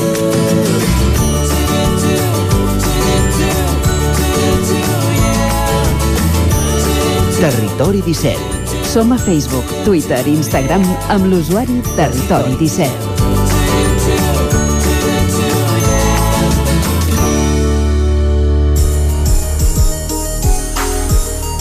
Quan falten dos minuts per un quart d'onze anem, eh, com us dèiem, cap a Centelles perquè allà l'Ajuntament ha adjudicat la primera fase de les obres d'urbanització del sector de Sant Pau. D'aquesta manera es resol un llarg conflicte urbanístic de, que arrenca quan es van començar a edificar habitatges aïllats en aquesta zona forestal lluny del nucli urbà i sense cap mena d'ordenació. És un problema que arrenca, com us dèiem, de fa molts anys enrere, més dels que té l'alcalde de Centelles, que és en qui parlarem ara mateix. Bon dia, Josep Paré. Hola, bon dia. Comencem pel principi, Josep. Aquesta urbanització neix en un extrem del terme municipal, a tocar d'Aigua Freda i Sant Martí, sense cap mena d'autorització ni de serveis. Bueno, això com bé deies, es va iniciar que jo no havia ni, ni nascut i per tant els que, o, és una urbanització que l'hem anat veient amb els anys, s'ha anat consolidant amb tipus de, de persones que ho tenien com a zona residència, d'altres que ho tenen com a residència habitual i, i al final hi va haver un moviment veïnal a finals dels anys 90, principis del 2000 perquè s'urbanitzés, uh -huh. van començar a fer-ho els veïns i, i degut a que hi havia diferents maneres d'entendre aquest procés, finalment ho va entomar l'Ajuntament, la, canviant el sistema de, de gestió d'aquest procés urbanístic i des de llavors doncs, han passat ja molts anys que l'Ajuntament ha anat fent tots els tràmits, els veïns han anat assumint aquesta part de, de fer els projectes, perquè hem de tenir en compte que s'han hagut de fer des del projecte d'urbanització, el projecte de reparcel·lació i, evidentment, el, el pla parcial, uh -huh. i que, per tant, doncs, han sigut uns anys de molts tràmits eh, administratius i ara, de forma històrica, començaran les, les obres després d'un llarg període de, de, de negociacions, de, de gestions, i que el fet que els veïns puguin veure obres doncs, és un aspecte molt important i que evidencia el treball que s'ha fet des de l'Ajuntament aquests anys anteriors. Mm. Unes obres que han de començar pel principi, pel més bàsic, perquè en aquesta zona, a hores d'ara, ni tan sols tenen la xarxa de sanejament, que és el primer que ara es construirà, no? Exacte, és una, el projecte d'urbanització té tres fases. Uh, en aquest cas el que s'ha fet és la fase 1, que és la que s'ha adjudicat ara. S'han fet uns estudis, uns estudis complementaris, precisament perquè tot el tema de la canalització d'aigua uh, es pugui generar un estalvi respecte al projecte inicial. Aquest estalvi doncs, està basat en que tot el tema de la canalització d'aigües pluvials es fa en superfície. Hem de tenir en compte que és un barri doncs, que té uns pendents pronunciats i per tant s'aprofita aquest desnivell del terreny per canalitzar amb superfície les aigües pluvials. Això ha, ha requerit arribar a algun acord amb un propietari que no està dins del, del, de l'àmbit del, del pla parcial, però que en canvi ha cedit aquest pas o aquesta sessió de pas per poder fer aquesta canalització i evidentment es fa tot el tema del, del sanejament i també s'ha pogut incorporar alguna fa, algun element de fase 3 com és tot el tema de, de, de l'aigua potable i que per tant evidencia que és una fase doncs, molt, molt completa i que a més a més doncs, eh, amb la voluntat de l'Ajuntament s'han fet aquests estudis complementaris per contribuir a generar un estalvi. Uh -huh. un, uh, una xarxa de sanejament que connectarà doncs, amb aigua freda, per tant amb la conca del Besòs eh, en principi crec que estava previst doncs, eh, fins i tot fer una, un tipus d'estació depuradora en aquella zona, però al final s'ha optat per aquesta solució que és més viable econòmicament, no? Bueno, el que hi havia dins del projecte d'urbanització per fer-lo eh, factible al desenvolupar-se i que fos autònom és que el propi barri passava a tenir una depuradora pròpia, uh -huh. i que per tant els veïns n'assumien el cost que passa? Que en converses amb, amb l'ACA aquest tipus de, de depuradores s'intenten de, de no fer. Si hi ha altres opcions i aquesta opció doncs, passa per connectar-se amb la xarxa d'alta i per tant anar a parar a la depuradora en aquest cas d'aigua freda uh -huh. que precisament està en terme municipal de, de Tagamanent i ara el que hem fet doncs, és cedir la gestió al Consorci del Besòs. Ells ja estan amb el projecte executiu d'aquesta obra que analitzarà diferents alternatives per tal de poder plantejar la, la més viable eh, en l'ACA i que l'ACA ho tingui en compte per les seves inversions, ja que l'ACA treballa en plans quinquenals d'inversions i això s'ha de tenir en consideració que és un procés lent però que sense fer l'obra que farem ara de, del sanejament, mm. uh, això no, no avançaria i d'aquesta manera avança en paral·lel el que és la, la, el sanejament del barri amb el que és la connexió amb alta i la depuració necessària. Una connexió, doncs, que no depèn directament de l'Ajuntament, sinó que el propi Consorci i l'Agència Catalana de l'Aigua doncs, duguin a terme aquestes inversions en el moment doncs, que ho considerin oportú. Ah, exacte, el que sí que s'ha de posar en valor és això, que l'Ajuntament és que ha impulsat que es fessin aquests estudis i que, per tant, el fet de treure l'estació depuradora del barri doncs, genera un estalvi en el projecte, genera molèsties en els veïns i, a més a més, doncs, garanteix doncs, anar a parar amb, una, amb un servei doncs, molt més a, adaptat i que, per tant, a nivell de manteniment i de, i de gestió també ha de facilitar molt el projecte i per tant doncs, són, són negociacions que l'Ajuntament va, va impulsant amb els òrgans que en tenen competències en benefici dels veïns i del, i del municipi.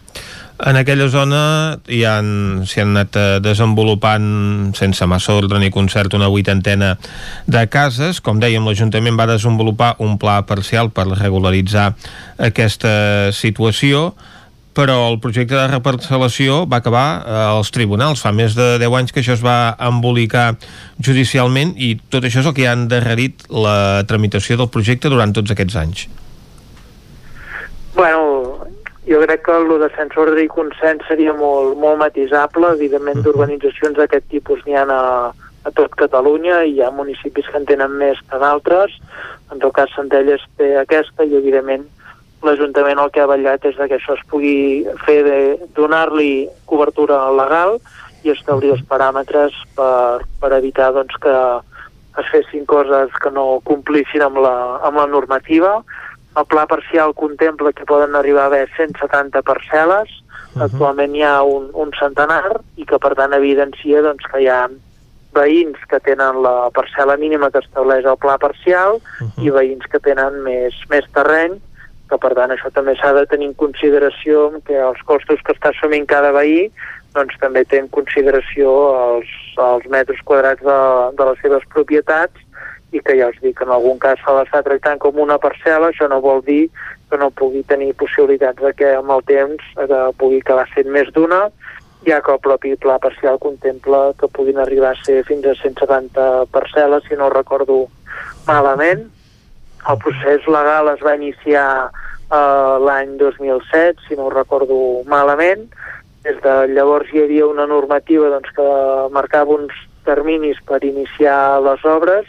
És un articulat que a dia d'avui ja no existeix, que per tant evidenciava que en un any de termini era molt poc per a aquest tipus d'urbanitzacions.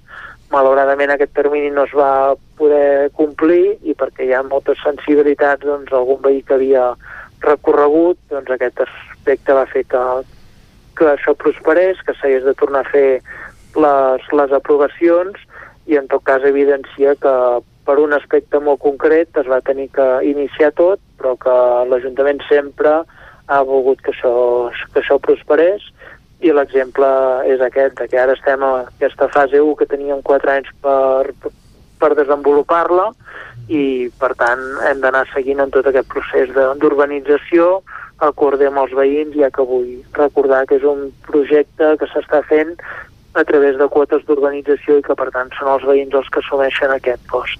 Exactament, els veïns assumeixen el cost d'aquestes obres, tot i que qui ho financia és l'Ajuntament que va recuperant els diners en diferents quotes, no? Que ja s'estan pagant, crec. Sí, sí, sí. Des del, del, des del gener ja hi ha veïns que estan pagant uh -huh. i per tant es van comunicant els quadres d'amortització a cada un dels propietaris i per tant és un procés que va avançant i que per això s'ha de posar en valor tota aquesta feina que fa Ajuntament, veïns i que requereix de, o que posa en valor tots els precedents, però en tot cas és un aspecte, un aspecte complex. Uh -huh. L'oposició el que li retreu és que han adjudicat una obra sense haver fet el test geotècnic previ, que anirà a càrrec del propi concessionari, i que creuen que això pot generar doncs, sorpreses en el projecte.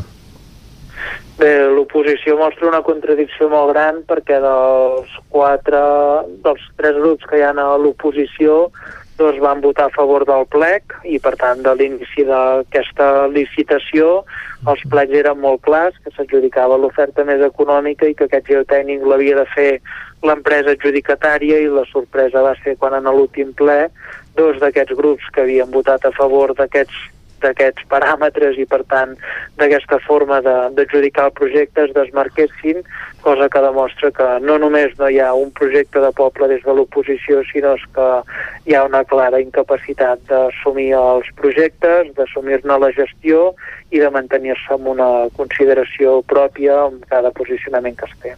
Uh -huh. Concurs s'hi van presentar 26 empreses, que són moltes.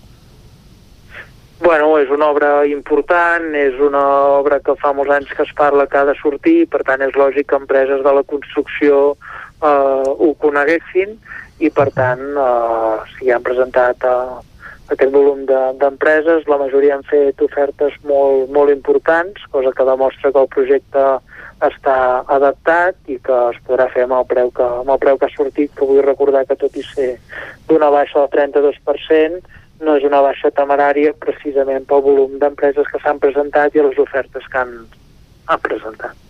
Uh -huh. Aquesta és la primera fase, com dèiem, de les tres que configuren aquestes obres. De quant temps estem parlant d'execució? Bueno, el projecte d'urbanització és molt clar, cada fase té un període de, de 4 anys per fer-se, per tant estaríem amb uns 12 anys per poder-se executar. A la primera fase doncs, ja han transcorregut un, uns anys, vol dir que com a mínim eh, és un projecte que s'hauria d'assumir en els propers 10 anys, si bé és cert que ho han de pagar els veïns i que l'Ajuntament ha d'anar fent les licitacions i per tant ha de ser compromís de tots de, de tirar endavant en aquestes tres fases, amb organitzar la, el projecte i és bo doncs, que es vagin fent millores que facilitin de que es puguin anar fent les fases i que els veïns ho puguin assumir-ho. I amb rebaixes de preu, doncs segur que tot plegat es podrà accelerar. Moltes gràcies, Josep Pere, per acompanyar-nos avui. Són rebaixes de preu fonamentades tècnicament i que el que permeten doncs, és desencallar diferents accions que s'han d'anar plantejant i que el que s'ha de garantir és que les obres es facin amb la qualitat que, que es busca i que es minimitzin doncs, els efectes amb els veïns durant les obres i que sobretot serveixi per avançar en aquest projecte d'urbanització amb les millors consideracions possibles. Doncs, Moltes gràcies. Gràcies, eh, Josep Paré, alcalde de Centelles. Avui amb ell hem parlat de l'adjudicació d'aquesta obra del sector de Sant Pau a una empresa de Cardedeu, precisament, Construccions d'Eumal, per 1.277.000 euros. Ara fem una pausa i tornem tot seguit.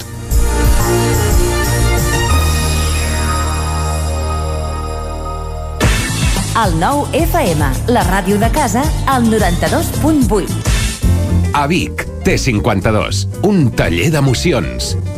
Una celebració, un reconeixement, un record, la victòria, el premi. Tenim una solució personalitzada per a cada ocasió. Ens trobaràs al centre, al carrer 941 i també a l'Horta Vermella, al carrer Menéndez Pelayo 31. Més informació a t52.cat. Cocodril Club. Si t'agrada la bona música dels anys 60, 70 i 80, escolta el 9 FM als matins de dissabtes i diumenges d'11 a 1. És el temps del Cocodril Club, tot un clàssic de la ràdio, amb les bases del pop-rock, les llegendes, les cançons que s'han convertit en autèntics himnes. Recorda, dissabtes i diumenges al matí, d'11 a 1, al 9 FM 92.8. Cocodril Club, el programa revival de l'Albert Malla. Hasta luego, cocodrilo. Cobertes serveis funeraris. Els nostres tanatoris estan ubicats en els nuclis urbans més poblats de la comarca d'Osona per oferir un millor servei. Tanatori de Vic, Tanatori de Manlleu, Tanatori de Centelles i Tanatori de Roda de Ter. Sabem que són moments difícils i per això el nostre compromís és atendre-us en tot moment amb un tracte humà, sensible i respectuós. Cobertes serveis funeraris. Telèfon 24 hores 93 883 23 46. Són temps de reptes. A la Fogonera n'hem aconseguit tres. Servir arrossos d'estrella per emportar i a un preu de justícia. Aquest hivern tenim l'arròs de calçots en tempura. La Fogonera, la rosseria de paelles per emportar a Gurb i que també et portem a casa. Telèfon 93 851 55 75 i a lafogonera.cat. I quan cau la nit, Pupurri Culinari, solucions per sopar les nits de divendres i dissabte. Entra a pupurriculinari.cat i tria. El restaurant El Racó de León no s'oblida dels seus clients en aquests temps difícils i us ofereix els vostres plats preferits per emportar. Reserves al telèfon 93 889 1950. Obrim amb el 30% d'aforament. Disposem de menjador i terrassa amb totes les mesures de seguretat. Amb Pradell estalvio energia i cuido la meva butxaca i el medi ambient.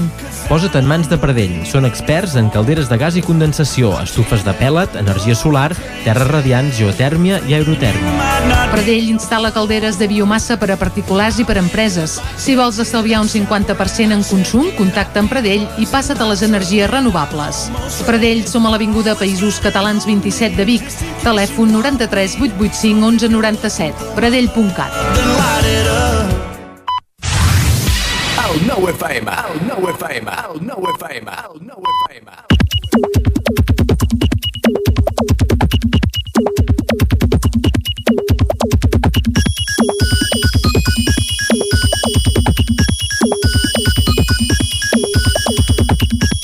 Són dos quarts onze, és l'hora que ens visita habitualment l'Isaac Moreno, que ja té a punt el recull de tuits del cap de setmana. Isaac. Bon dia. I bona hora. Comencem a Tavèrnoles, on Mauro Mas el cap de setmana piolava motorista que avui has pujat al Puig del Far. El proper dia, quan arribis a dalt, no cal que frenis. Repiolava i comentava també l'alcalde Benús. Avui també m'he quedat parat de la quantitat de roderes de motos a les escales del Foqués i a la Bauma de la Rieteta. Sap greu perquè aquest accés motoritzat indiscriminat, indiscriminat ho aixafarà tot. Doncs denúncia feta. Uh -huh. Des de Vic, Núria Oms, la regidora Núria Oms, diu quin ple anar al teatre en bicicleta, trobar un aparcament segur i veure una obra espectacular. 25 al Talla Teatro. Doncs mira, i aquí hi ha la fotografia de, de la parca bicis del pàrquing de l'Atlàntida. Uh -huh. Encara Vic, Xavier Tornafoc diu algú seriosament creia que amb un 40% d'atur juvenil no es produiria un esclat de ràbia aprofitant qualsevol espurna? Toni Rubia, mica en mica, com els brots de primavera que van fent-se pas a través de les branques, un dia aquí i l'altre allí, fins a extenuar-los, fins que no puguin més. Anem, som pocs i covards. Etiquetes, Terrassa, Vilanova, Sant, Sant Sadurní, Vic... Uh, Griselda Castells, regidora de Sant Pere Trollós, feia ressò també d'un tuit de l'Ajuntament de, de Sant Pere. Diu, ahir l'Anna Espona, practicant durant 40 anys al cap de Sant Pere de Trolló, va finalitzar la seva etapa al servei de la ciutadania com a sanitària. Moltes gràcies per aquests anys i gaudeix eh, d'aquesta nova etapa de la vida. I la mateixa Castells que repiolava molta sort en aquesta nova etapa de la vida. Anna, gaudeix al màxim, gràcies per tants anys de, de dedicació. Doncs felicitació estesa. Sí, senyor.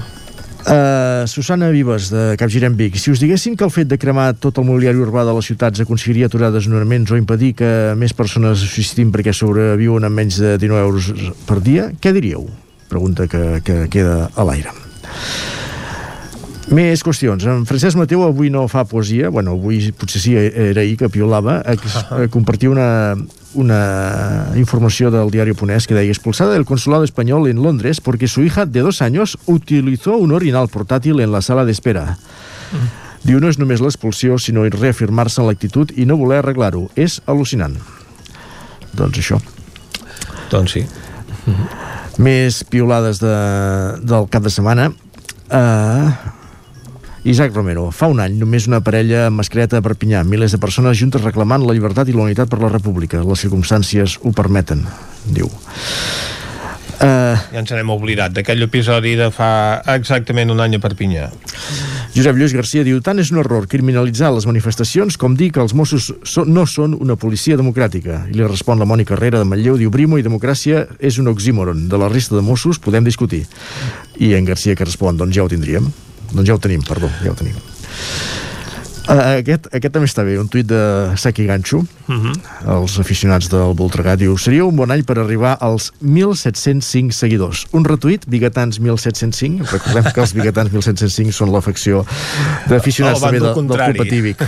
I si vols el que podem fer és anar al compte oficial de Saki Gancho a veure quants seguidors tenen, quan els hi falta per arribar als 1.705. A Els hi falten tants com 209, perquè en tenen 1.196. Doncs, a veure si... Ah, no, eh, més, eh? He dit 509, perdó. 509 ja, n'hi falten. són, són una, colla, una colla de seguidors encara que han de guanyar. Jordi Vilarrodà, suposo que tinc sort de no mirar el fax de TV3. Els diumenges al matí miro el timeline i veig que mitja Catalunya se n'ha anat al llit amb la pressió alterada. Ja heu pogut dormir? ah. I en Pep Acosta diu La semblança entre Catalunya i la pel·lícula Joker és cada vegada més semblant. Estem seguint el guió a la perfecció. Uh, Pep Carol diu, he sortit a passejar, escoltant la ràdio feliç com un tornavís. Mitja hora després he vist que vaig sense mascareta. Ara noto que em miren. Sóc un delinqüent. Etiqueta havia de passar. Sí, li passa a tothom, fins i tot a Angela Merkel. Antoni Borra implorar als comuns que entrin a formar part d'un govern independentista és no haver entès que aquesta formació fa temps que ha renunciat a jugar aquest paper, que les seves decisions només es prenen en clau espanyola. Ens cal que ho evidenciïn més encara? I acaba preguntant. En fi, eh, un repàs al que hem trobat a Twitter durant el cap de setmana i si et sembla ara podem anar a repassar portades. Doncs som-hi. Carreguem la del 9-9 d'Osona i el Ripollès. Manlleu i el Ministeri arriben a un acord per partir-se la caserna. També descobreixen unes pintures murals del segle XIX durant les obres del nou escriptori de Ripoll i el síndic investiga d'ofici l'atac de la comissaria dels Mossos de Vic.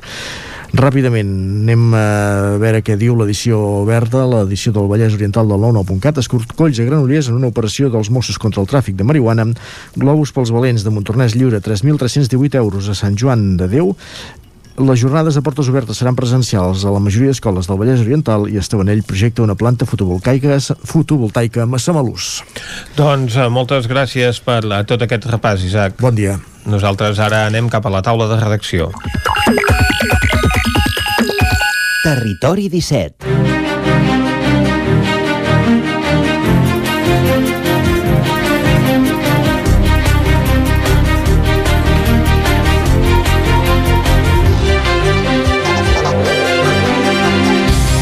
Avui a la taula de redacció comptarem amb la Dolors Altarriba i amb Miquel R.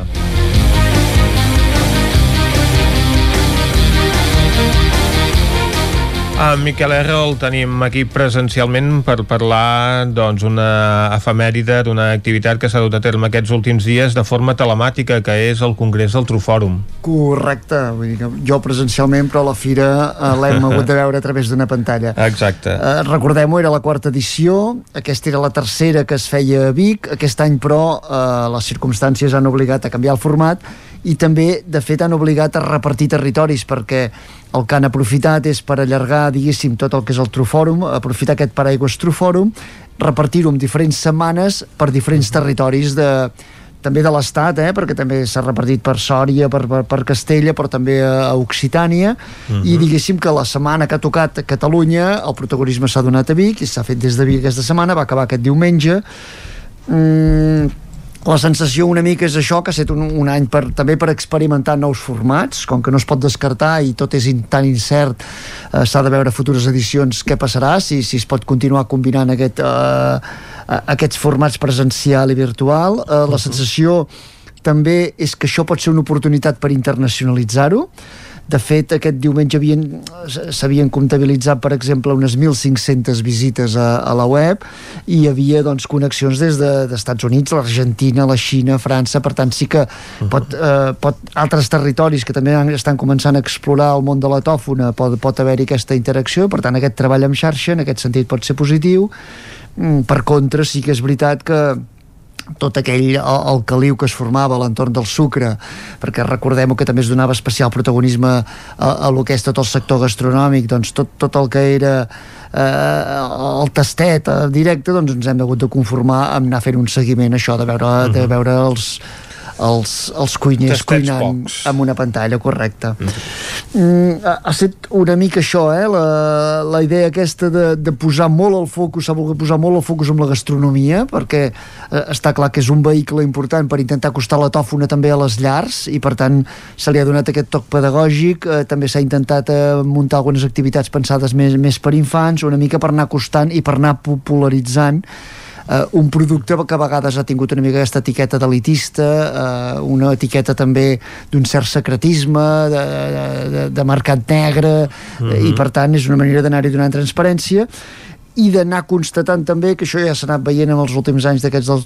del, del True Forum, que també per efecte del canvi climàtic cada vegada serà més complicat refiar-nos de, de la tòfona silvestre, que aquí uh -huh. a la comarca encara som, encara anem trobant, però cada vegada menys. Cada, aquesta temporada, per exemple, s'ha salvat força millor que la passada, pot depèn molt doncs, de les pluges, de la tardor, de com uh -huh. avança l'hivern, i el que està clar és que s'obre tota aquesta via de, de, de, la, de la troficultura, que és uh -huh. eh, plantar aquests arbres micro, eh, eh, específics per poder recollir tòfona que a Osona la veritat és que encara està molt poc, molt poc extès uh -huh. i en canvi en el conjunt de Catalunya ja hi ha unes 1.300 hectàrees eh, destinades a aquest conreu segons eh, es va també durant l'altre fòrum hi va haver-hi el pla de seguiment d'aquest pla de desenvolupament de la tòfona de la Generalitat i es van, es van donar algunes dades així a nivell de Catalunya mm. Osona encara sembla que n'estem una mica al marge encara ens anem refiant d'aquesta de Perquè se'n va trobant, no? Se'n va trobant se de tròfona trobant... silvestre que és amb el que doncs, eh, molta gent s'hi dedica i ja de forma tradicional hi ha hagut aquest de fet, mercat estan una mica així, eh? Digui, uh mhm. -huh. no tant com els bolets que també que a vegades eh, no? els, els bolets que, que puja i baixa ells estan molt condicionats condicionats també per la meteorologia Clar. i sé que és veritat que diu que per exemple aquesta temporada pot ser mil, molt millor però quan miren enrere tan sols 15-20 anys enrere en general ha baixat sensiblement eh, la trobada de tòfona eh, silvestre per tant és un tema que, que anirà menys i que possiblement hi ha aquesta via de compensar-ho per també oferir uh mhm. -huh. als joves agricultors noves vies també per, per anar explorant i per anar per anar-se dedicant a aquest món. Per tant, el canvi climàtic que també afecta el món de la tòfona, tot i que potser també hi ha algunes altres causes en aquesta regressió de la collita. Segurament, o l'estesa, vull dir, problemàtiques d'aquestes més genèriques com la proliferació del porc senglar, que acostuma uh -huh. a gratar-lo molt, es fa molt Clar. malbé, eh, segur que hi ha, hi ha més incidències, però, -huh. però evidentment el canvi climàtic és, és, és una realitat. Uh -huh. Molt bé, Miquel. Doncs eh, gràcies per fer-nos un resum de com ha anat aquesta quarta edició del Trufòrum. Ara nosaltres anem a parlar amb la Dolors Altarriba, que ens posarà al dia pel que fa a la superfície visada de construccions a la comarca d'Osona, que puja, igual que al Moianès, tot i que sembla doncs, que els metres quadrats que s'han visat a la comarca del Ripollès doncs, han baixat. De tot això ens ho aclareix la Dolors Altarriba. Bon dia, Dolors. Hola, bon dia. Sí. Bé, sí, uh, sí, uh -huh. sí és, és així, aquest, o sigui, el durant el 2020 um, a Osona i al Moianès es van recuperar metres visats que, uh -huh. que, permeten saber què és el que es construirà o què, el que es construeix. El que passa que aquestes dades sempre eh, passa una mica allò de que, com que s'han de mirar a vegades amb, amb, amb, amb algun any més de referència, perquè, perquè a vegades la construcció doncs, no, no va tan ràpida com per, eh, com per acabar doncs, en un any o per, com per fer-se, hi ha vegades que s'encallen coses, no? Però bueno, sí que això marca una mica uh -huh. el que s'està fent.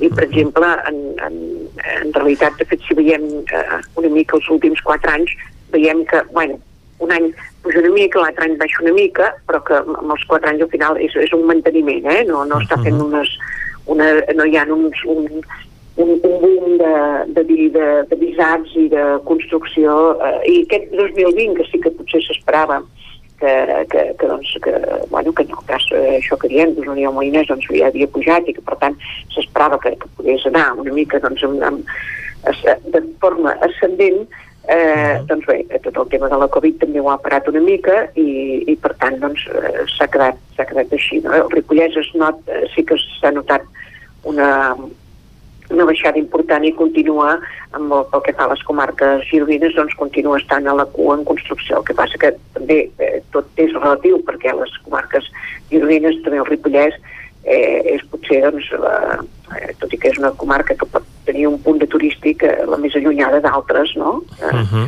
eh, a la zona de Girona, que, que són molt turístiques i que aquest tema doncs, té més importància.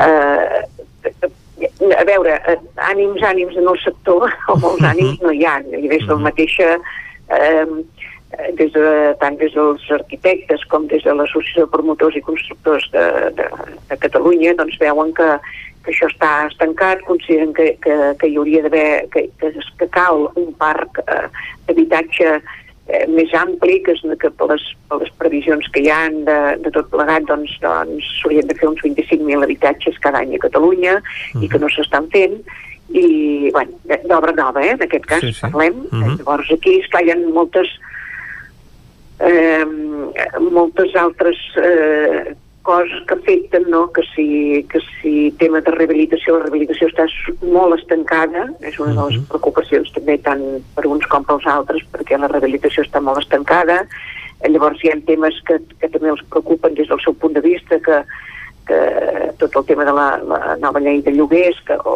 o marcar el lloguer fa que es tiren enrere promocions de noves, uh -huh. no? que poguessin anar a lloguer, perquè uh -huh. No veuen clar que, que pugui sortir compte o el que sigui, això és una altra de les queixes que hi ha, per tant, eh, el tema de l'habitatge és, és una mica complicat i bueno, eh, complicat uh -huh. i per, per, per, perquè tothom pugui tenir un accés doncs, doncs, doncs costa uh -huh. eh? costa perquè quan eh, d'una banda eh, també una de les coses que veuen és que eh, d'una banda el tema de les hipoteques els, els interessos per, per hipoteques ara són, les quotes són molt més baixes que uns anys enrere i això no és una dificultat a l'hora de comprar per, per gent jove que vulgui doncs, hipotecar-se un habitatge, però sí que és una dificultat el, el, el, la, la prèvia, no? aquell 20% que han de tenir estalviat d'alguna manera per poder accedir a un habitatge. No?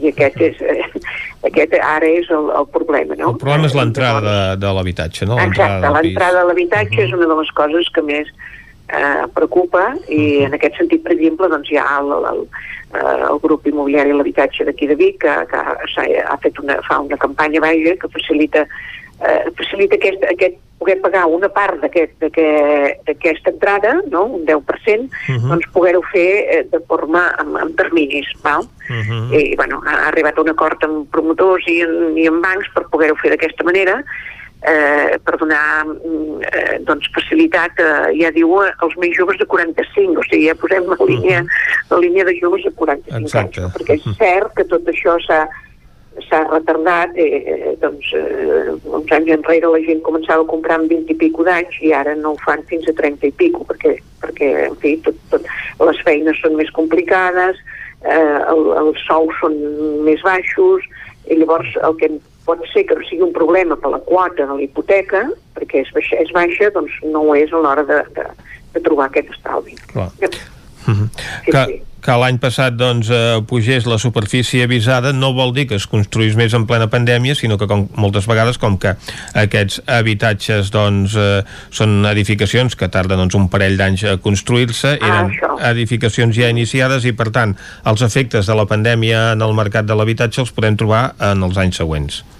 Sí, i llavors també hi ha dades dels habitatges que s'inicien i els habitatges que queden acabats, no? I, uh -huh. per exemple, sí que és veritat que Osona aquests eh, van, eh, tenir dades només fins al setembre del 2020 d'habitatges acabats, eren més que l'any anterior, uh -huh. el 2019, i, i per tant, en el cas d'Osona sí que és un, una de les comarques que està dinam, eh, més, dinam, amb més dinamisme en, en aquest aspecte. Eh? Uh -huh.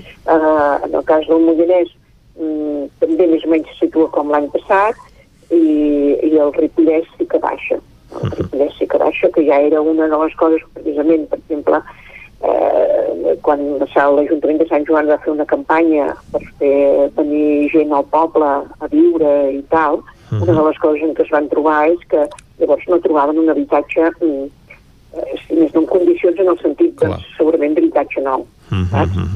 eh, que això ara ja s'està resolent, però esclar, és el que diem, això necessita a vegades un any, un any i mig, dos, eh, no, i els temps aquells eh, d'abans del 2008 en què hi havia construcció per tot arreu, allò ja no, ja no existeix, diguem-ne.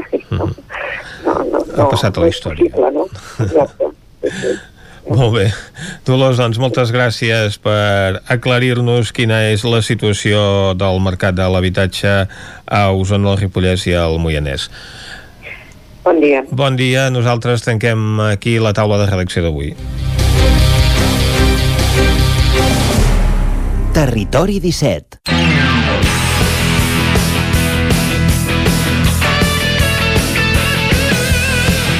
Doncs quan passen 3 minutets de 3 quarts d'11, Vicenç, tanquem taula de redacció i obrim pàgina esportiva per repassar com els han anat els equips del Territori 17 al cap de setmana.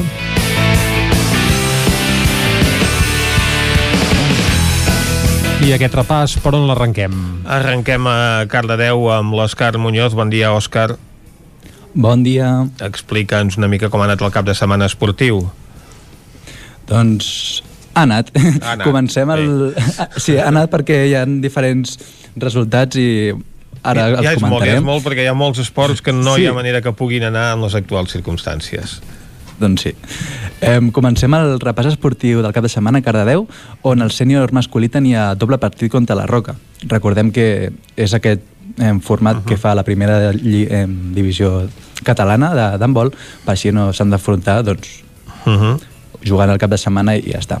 El primer partit eh, de dissabte el van, començar, el van, bueno, van perdre per 33 a 37. Uh -huh. Les claus de la derrota van ser al principi amb un parcial de 1 a 7 doncs això, no, no, van, no van començar doncs, molt concentrats. Durant el partit doncs, sí que van remuntar eh, amb una diferència de 8 gols que, ostres, se'ls hi veia ficats en el partit, però després doncs, això van perdre de 4. Ens vam trobar això, un Cardedeu una miqueta distret. Uh -huh. Tot va canviar, tot va canviar diumenge, jugant fora de casa, a casa de la Roca, i van guanyar per 4, 28 a 32. L'equip es va trobar més còmode i això doncs, es va notant el resultat. Uh -huh. La part dolenta d'aquests dos partits guanyat i perdut doncs, seria eh, que la Roca li va fer 37 gols al Cardedeu, que 37 gols Són són, doncs, són bastants, són molts. Vale. I ara ens anem als equips de Granollers, on teníem d'handbol, teníem el Franking i les noies del CAC 7, Uh -huh. I comencem amb el Franking, que últimament doncs, no té bona sort i amb això de perdre a l'últim moment. I aquest cap de setmana teníem els Granollers que jugaven contra l'Incar Lopsa Cuenca i això, el Granollers arribava al, a l'últim parcial eh, va fer un parcial de 4 a 1 Mhm. i havien aconseguit igualar l'electrònic a falta de 30 segons per posar eh, el resultat de 26 a 26 amb un últim gol d'Àlex Márquez. El Franking havia desaprofitat l'avantatge de 5 gols que tenia, però semblava que ja s'havia acabat i en realitat doncs, no va ser.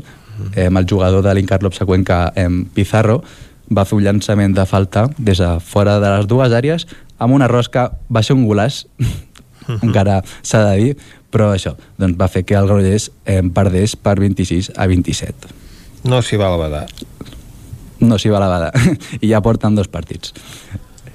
A l'altra banda, les noies de 7 jugaven al, a la casa, a casa del, del Gran Canària. Era un partit molt important perquè jugaven les primeres contra les segones i doncs van guanyar. Les noies de CAC 7 van guanyar eh, per 28 a 30 doncs això és una de les pistes més complicades de, de la Lliga, eh, de la Lliga Iber Guerreres Iberdrola, i això fa que les noies del CAC 7 estiguin líders de la Lliga eh, amb 21 punts i a falta d'un partit per acabar la, la fase regular. Molt bé.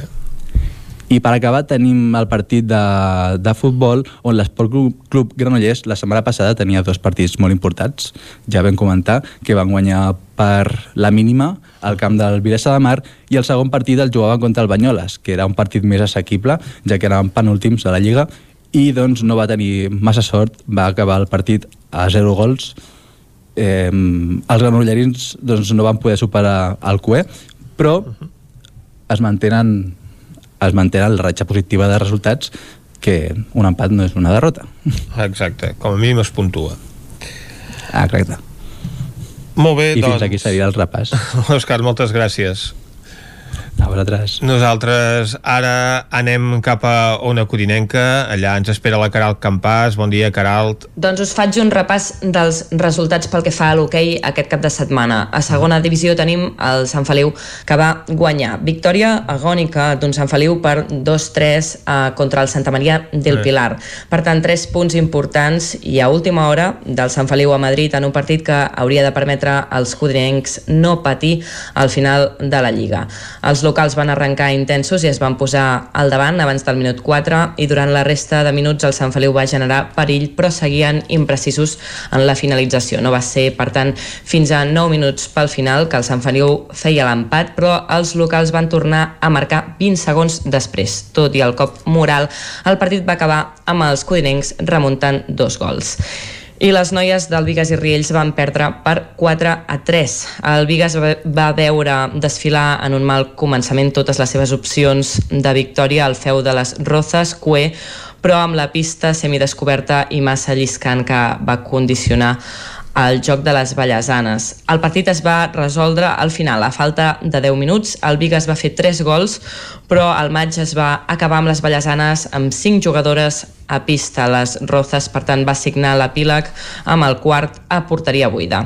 I empat a dos, d'Alcaldes contra l'Igualada, un partit que es preveia senzill contra un equip situat a la part baixa de la classificació. Els d'Eduard Candami van fer un bon partit, però els va faltar l'encert. L'Igualada, que en certs moments es va veure doncs, acorralat, va sortir en comptades ocasions, però quan ho va fer va tenir una efectivitat força elevada. Alcaldes va patir al final per una blava en els darrers segons de partit i per altra banda també comentar que el sorteig va deparar que el Rivadave fos el rival d'alcaldes als quarts de final de la Europe Cup. Moltes gràcies, Caral. Nosaltres anem ara a veure què s'ha fet aquest cap de setmana al Ripollès en matèria esportiva. Com està la situació, Isaac Muntades?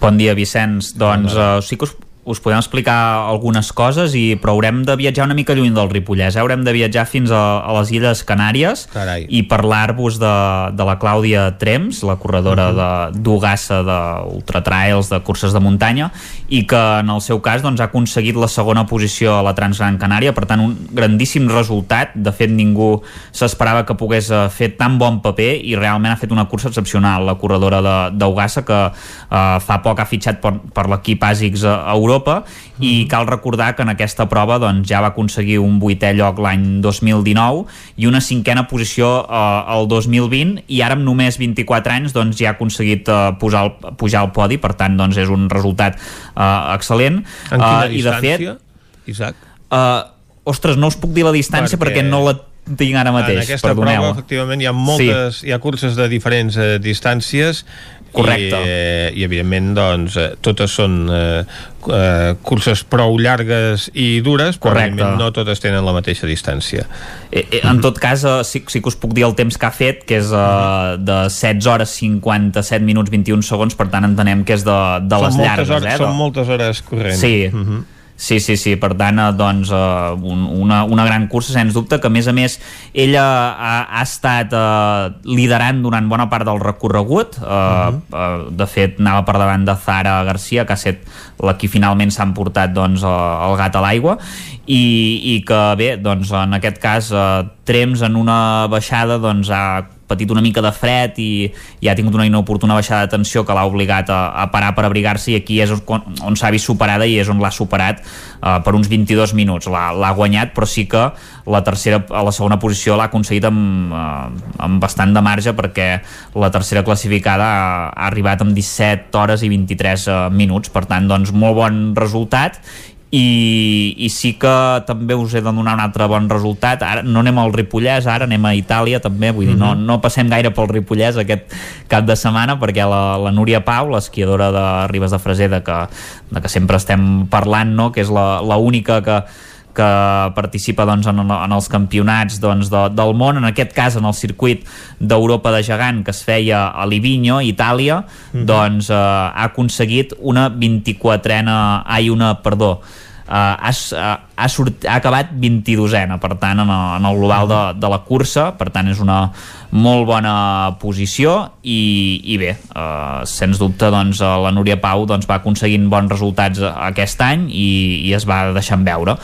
I, I i per últim, eh, com que ja hi ha alguna cosa d'esports que s'ha activat aquí al Ripollès, ja ho vam comentar que l'escola doncs, de futbol sala Ripoll Servicat doncs, ha tornat a competició, anem fent una mica eh, de seguiment, tampoc van jugar a Ripoll, eh, una mica lluny van, van jugar a Tamarita de Litera que això és cap allà a Osca eh, i van empatar doncs, a la pista de, de l'Albelda en un partit bastant igualat. Eh, sí que és cert que els ripollesos a la primera part doncs, van tenir diverses ocasions per, per aconseguir un millor resultat perquè van fer a, alguns pals però bé, en els primers 15 minuts el resultat ja, va, ja era d'un a un i, i es va acabar així durant tot el partit que també a la segona part doncs, eh, l'equip local sí que va tenir alguna ocasió més però va valer només el, el gol de l'Eix i per tant un empat que en aquests moments doncs, deixa eh, l'equip ripollès en segona posició amb 11 punts eh, i té un partit més que el primer classificat que en té 12, per tant sí que una oportunitat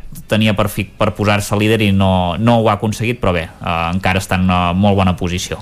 Exacte, doncs Isaac, era la cursa de 129 quilòmetres i 129 quilòmetres. 6.720 metres de desnivell positiu, la segona cursa més llarga Sí. de les sis, que, de les sis distàncies que conformen doncs, aquest eh, programa de la Transgran Canària.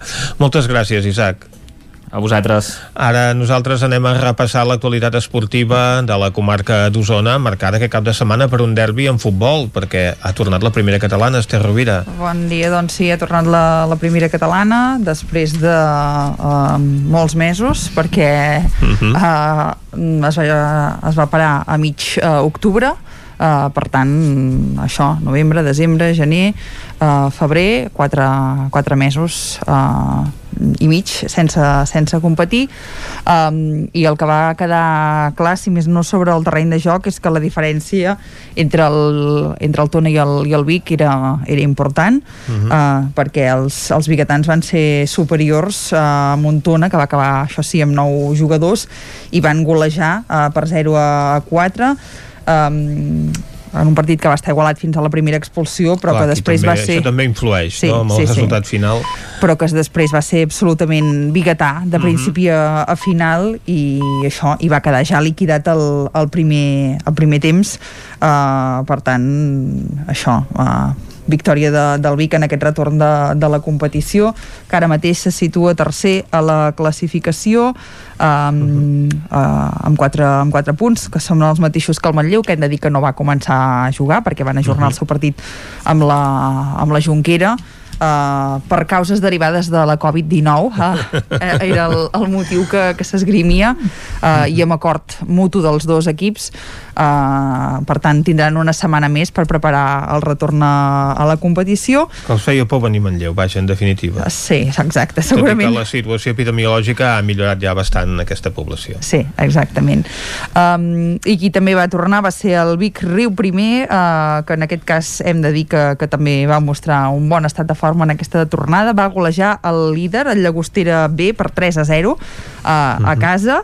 Uh, gran victòria en un partit molt complet dels de, dels de Santa Eulàlia i això els permet posar-se líders de, de la classificació de- d'aquest seu subgrup Exacte. uh, de, de la primera catalana perquè recordem que aquesta temporada el grup 1 i el grup 2 s'han repartit en dos subgrups um, i aquesta fase de, de grups és la que és la que es disputarà uh, des d'ara i fins a final de, de temporada uh, els biguetans, uh, els, els de Santa Eulàlia, perdó, el Vic Riu primer que es posen, això que dèiem primers amb 6 punts, dos més que, que el Vic Uh, però bé, eh, com que només s'havien disputat dos partits és una classificació molt molt ajustada, eh, aquesta de la, de la primera catalana. Mhm. uh, uh, això mm, veurem com, com va les, les properes jornades Ah, però bé, en tot cas ja la tornem a tenir posada en, en marxa. Ja ho estava també la primera nacional femenina on competeix el primer equip femení del Vic Riu primer uh, on hem de dir que, que es mantenen uh, invictes des que hi va haver el canvi d'entrenador a la banqueta i aquest cap de setmana van empatar a 0 al camp del, del Pardinyes cap Mhm. gol, però bé, en tot cas eh, que continuen puntuant, eh, les, les biguetanes i també es va posar en marxa la preferent femenina, igual que ho feia la Ahà. preferent juvenil igual que la primera catalana, perquè totes són les tres competicions eh, que donen accés a categories estatals i en aquest cas eh, hem de dir que, que el Manlleu va empatar davant el Porqueres a casa amb un gol al tram final del, del partit això seria Mhm. el més destacat en l'apartat de, de futbol i en el cas de l'hoquei hem de dir que també hi havia un derbi hi aquest havia cap de setmana femení.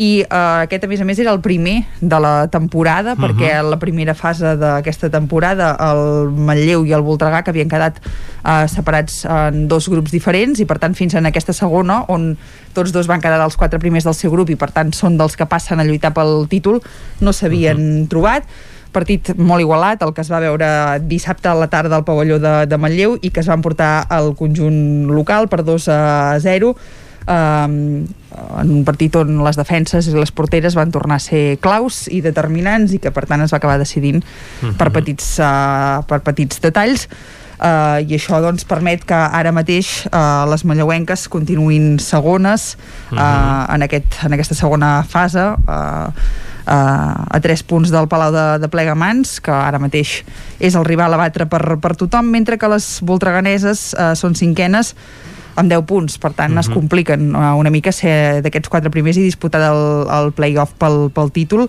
perquè recordem que ja entraven en punts en aquesta segona fase, Mhm. Uh -huh. però a més a més uh, les voltreganeses encara no han puntuat en cap dels tres partits que han disputat fins ara d'aquesta segona fase, per tant se li complica una mica ser en aquest play-off pel, pel títol, encara I que tant. quedi uh, molta, molta competició. I pel que fa a l'Hockey Lliga i els uh, conjunts usonencs en competició, dir que el Voltregà va aconseguir uh, una victòria per mantenir-se a la part alta de la classificació, va golejar per 6 a 1 al Vendrell, uh, en un partit treballat uh, i en la línia del que està fent aquesta temporada el Voltregà, uh, que és una molt bona, molt bona temporada, malgrat no tenir el suport de la, de la seva afició, uh, i malgrat uh, haver-hi hagut canvis importants a l'equip, perquè recordem que hi ha hagut Uh, doncs tres jugadors nous uh, en aquest projecte de Manolo Barceló com són Gerard Teixidor, uh, Roger Font i Marc Palazón i les coses doncs uh, els estan sortint molt bé i les, peixes, les peces estan encaixant uh, molt bé. Punt uh, positiu pel Taradell uh, també, uh, que continua puntuant uh, per sortir d'aquesta zona de play-out on fa dies que està instal·lat. Uh, ara mateix Mhm. és 11 i marca aquestes dues posicions de play-out amb 22 punts però que són els mateixos que Lloret que ja és el, Uh, el primer equip que està fora no? I, que, i que evitaria aquesta, aquesta, haver de, de disputar aquest play-out amb els equips que pugen de l'hoquei Lliga Plata van empatar uh, dos gols a casa contra el Calafell uh. -huh. um, en un partit en què el quart d'hora ja perdien per 0-2 per tant on van ser capaços de, de remuntar el, el resultat i més complicat uh, se li han posat les coses al, al Vic que... El Lloret n'ha quedat fora perquè va guanyar el Vic. Eh? El Lloret n'ha quedat fora eh, d'aquesta zona de play-out zona de perquè va play-out, guanyar el Vic. perquè va guanyar el Vic per 0 a 1, per tant per, Mhm. per la mínima en un partit on el Vic no va, no va veure porteria uh, moltes setmanes li hem sentit a dir a Quim López que el Vic és un equip que necessita generar moltes ocasions Mhm. uh, perquè, perquè en genera poques i, i, i per tant n'ha d'anar generant o si no aprofitar les poques que té uh, per tant si això no es produeix uh, li costa moltíssim. A més a més recordem que, que tenen baixes molt importants aquesta temporada i per tant les Mhm. coses uh, se li han posat uh, difícils uh, perquè se li estan allunyant els seus rivals de, de davant, és a dir, tenen 10 punts són penúltims, a darrere només els queda el Mataró amb 6, Mhm. però clar, per davant ja hi ha 10 punts de diferència amb l'Igualada uh, i 11 amb el Calafell que són els altres dos equips que, que ocupen posicions de descens Molt bé, doncs moltes gràcies per aquest resum, Esther. que vagi bé Nosaltres ara recuperem la informació general.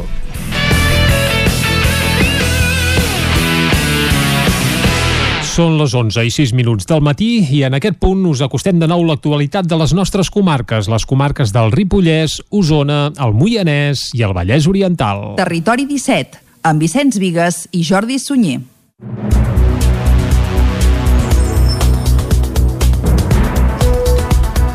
La campanya de vacunació a persones dependents de més de 80 anys a Osona es fa als centres d'atenció primària, a centres de dia, però també a domicili o sense baixar el cotxe. A dins dels centres d'atenció primària, des de dins del cotxe amb la porta oberta o sense moure's de casa. Són maneres de vacuna que s'han pogut veure aquests darrers dies a Osona.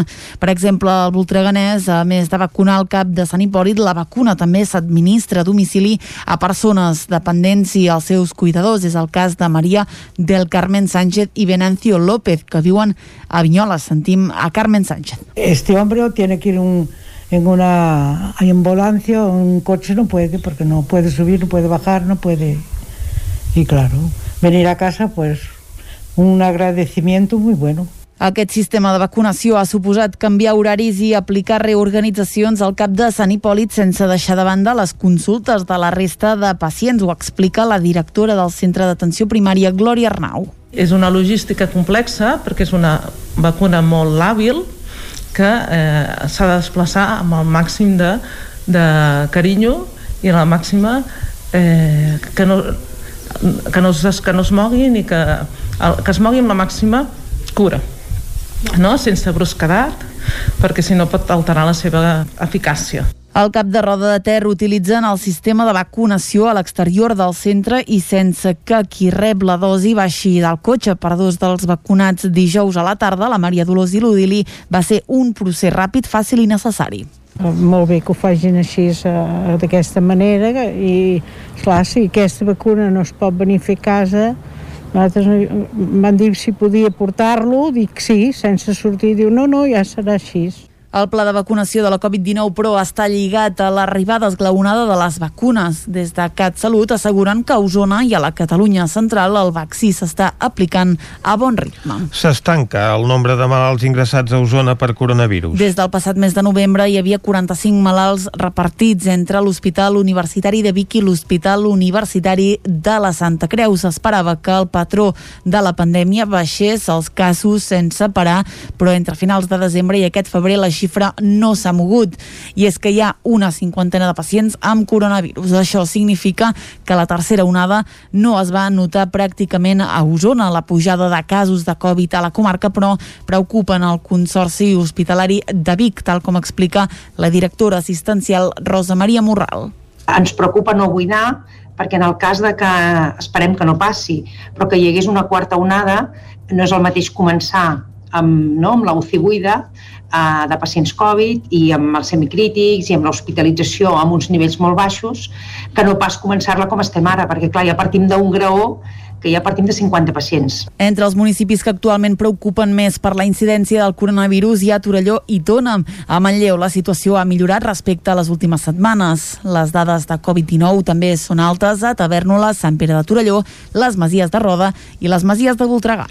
Estavanell prova a l'Esquirol com aprofitar l'energia solar sobrant. La companyia energètica Estavanell Distribució del grup Estavanell Energia amb una oficina a Tona ha participat en la creació d'un dispositiu electrònic que aprofita l'energia sobrant dels panells fotovoltaics que alimenten les llars. S'espera que els resultats d'aquest projecte que ha coordinat la Universitat de Girona contribueixin a crear xarxes elèctriques més eficients, segures i sostenibles. Estavanell ha participat amb el lideratge en la integració de tots els components físics i la tecnologia. Aquesta tecnologia ha estat validada al municipi de l'Esquirol, que forma part de la xarxa de distribució d'Estavanell. El sistema ha pogut validar la gestió de les fonts renovables amb els consums dels usuaris.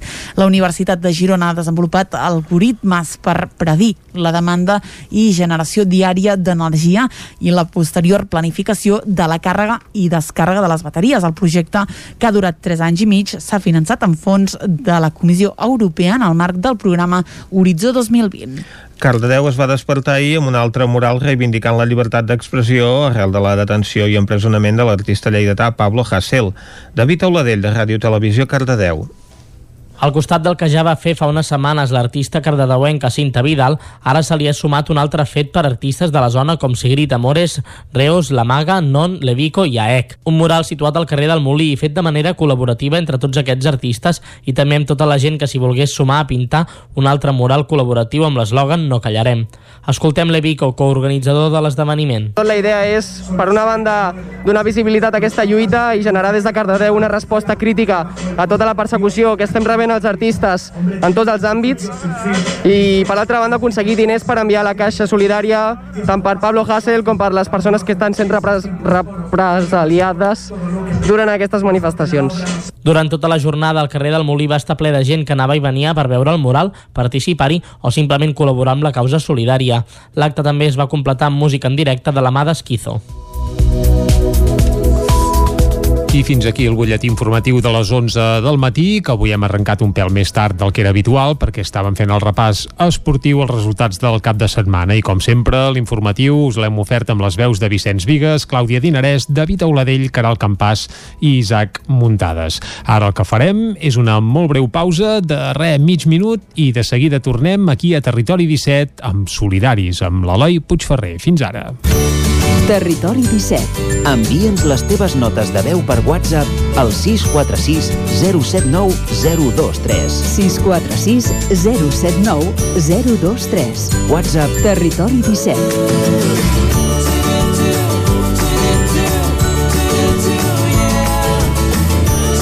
Territori 17. Som a Facebook, Twitter i Instagram amb l'usuari Territori 17.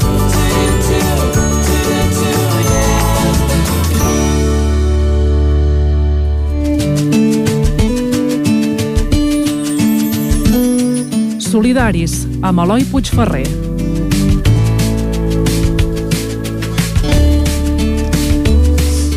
Doncs quan falta un minut i mig per un quart de 12 del matí, entrem als solidaris amb l'Eloi Puigferrer. Avui ens parla d'osonament. Tot i que és cert que quan en una mateixa frase juntes les paraules Osona i solidaritat poden venir molts noms al cap, sens dubte un dels que apareixerà amb total certesa és el d'osonament. Aquesta entitat, amb els anys i amb la bona feina feta, s'ha anat erigint com tot un referent en el que assistència a aquelles persones que més ho necessiten respecte i cada any que passa encara millora més la seva labor en la comarca. Gràcies a un model que posa a la persona al centre de tota l'equació, Osonament s'ha convertit en tot un referent en el món dels models assistencials. Però tot i que altres comarques l'han intentat aplicar, és la màgia de la gent d'Osona el que el fa tan sòlid. Per intentar trobar el secret que fa d'Osonament tot un referent, avui al programa Solidaris des de Ràdio Vic i a través de l'antena de Territori 17 parlarem amb la seva gerent, la Mercè Generó, qui té molt clar quin és el paper de l'entitat a la comarca. Osonament és una entitat que treballa a la comarca d'Osona des de fa ja 42 anys. Uh, va néixer, de fet, a l'octubre del 78, va començar l'activitat al 79, i durant tots aquests anys el que ha fet l'entitat és tenir cura de les persones amb problemes de salut mental i des de uh, a la meitat d'aquesta de, de la seva vida que també a les persones amb problemes d'addiccions. Per tant, ens dediquem actualment a treballar per totes les persones que tenen problemes de salut mental i addiccions de la comarca d'Osona, oferint-los tots els recursos de manera integrada, tots els recursos d'àmbit comunitari, recursos que són tota la part de recuperació de la persona, tota la part d'inserció laboral d'aquesta persona i tota, la, tota una altra àrea que és l'àrea d'habitatge. Per tant, entre els tres àrees, els tres peus, és poder cobrir totes les necessitats que té la persona que té un problema de salut mental o un problema d'addiccions, problemes que, eh, o malalties que han quedat cronificades en aquesta persona. Eh? Pensem que tots podem tenir un problema transitori de salut mental, tots, eh, però que l'atenció primària d'aquest país, molt forta i molt valenta, o l'atenció especialitzada en salut mental, eh, a Osona en concret, dintre de l'Hospital General, ens han d'atendre com qualsevol altre problema que tinguem de salut, Ara, si aquesta malaltia se'ns va cronificant, vol dir que no ha sigut només passatgera, sinó que vol dir al llarg del temps anar, anar tenint recursos i suports, és quan nosaltres entrem a donar suport a aquesta persona. Des de la seva fundació han passat ja bastants anys, però tot i el pas del temps, la finalitat amb la que va néixer s'ha mantingut intacta. Genero explica com va sorgir la idea i d'on va néixer l'embrió del que avui tots coneixem. Aquesta entitat la van crear l'any 78, suposo que uns quants, uns quants anys abans gestant-la, un grup de professionals que en aquells moments o ara diríem que, eren, que són grans emprenedors, ara que està de moda l'emprenedoria, però en aquells moments doncs, eren persones que havien acabat la carrera de psicologia, la majoria d'ells, Josep Maria Caral, la Núria Mates, la Carme Caselles, en Bernat Bausà, difunt, un grup de persones que varen decidir, junt amb el suport de tota una altra colla de professionals, inicialment l'entitat només tenia a població infantil de 0 a 18 anys, eh? per tant, era intentar cobrir eh, les necessitats que els infants tenien de suport psicològic, psiquiàtric o de logopèdia eh, amb una persona al capdavant, com en Jordi Folk amb psiquiatria, i el que van crear va ser un equip multiprofessional amb aquestes diferents especialitats que tingués les necessitats del, especials dels nens, els nens que, que anaven a l'escola ordinària i que tenien unes dificultats i que l'escola no les podia atendre. Per va ser copiant un model francès, que són els equips, eh, a França encara existeixen aquests equips multiprofessionals, i jo crec que van ser molt innovadors i molt, i, i molt visionaris eh, a atendre aquesta població infantil d'una manera integrada ja. Amb el temps, aquest equip es va anar desdibuixant i van anar treballant bastants anys fins que l'administració pública va crear els equips, els equips d'assessorament psicopedagògic, els EAPs, que són els que encara actualment donen aquest suport a les escoles. I més tard eh, l'administració va crear els, els que eren els centres de salut mental infantil i juvenil que són els que actualment encara estan en l'àmbit sanitari. Per tant eh, va, eh, varen ser mm, varen avançar amb el temps el que, el que al cap d'uns anys l'administració anava creant tot i trobar els seus orígens en l'atenció als infants, el pas dels anys i les necessitats de la població han fet que els àmbits d'acció d'osonament hagin canviat i ara tinguin molts més col·lectius a través d'un model totalment integral. Inicialment en aquesta comarca la Fundació, nosaltres ateníem a la població infantil i la població adulta s'atenia d'altres maneres, des de la Diputació de Barcelona amb l'Ajuntament de Vic, no, hi havia diferents equips. El que aquesta comarca ha fet és tot això ajuntar-ho i fer un model d'atenció integrada.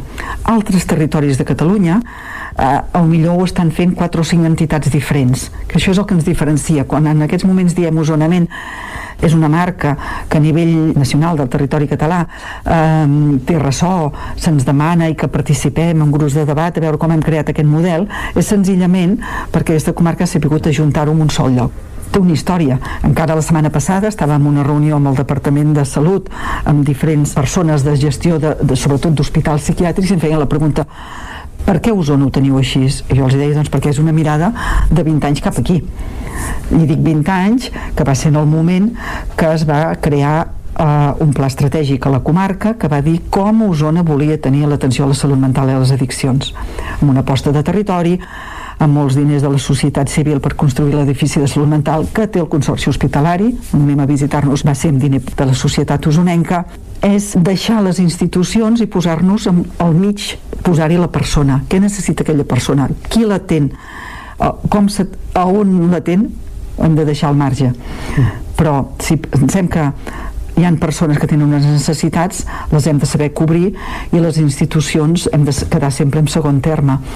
Posar la persona atesa al centre de l'equació va ser un pas primordial per portar Osonament cap a l'entitat que és actualment, fent una atenció integrada i en la qual són els professionals qui es mouen per atendre a totes les persones. Generó ho explica. Intentem que, que eh, atendre a la persona més a prop del municipi que no s'hagin de desplaçar.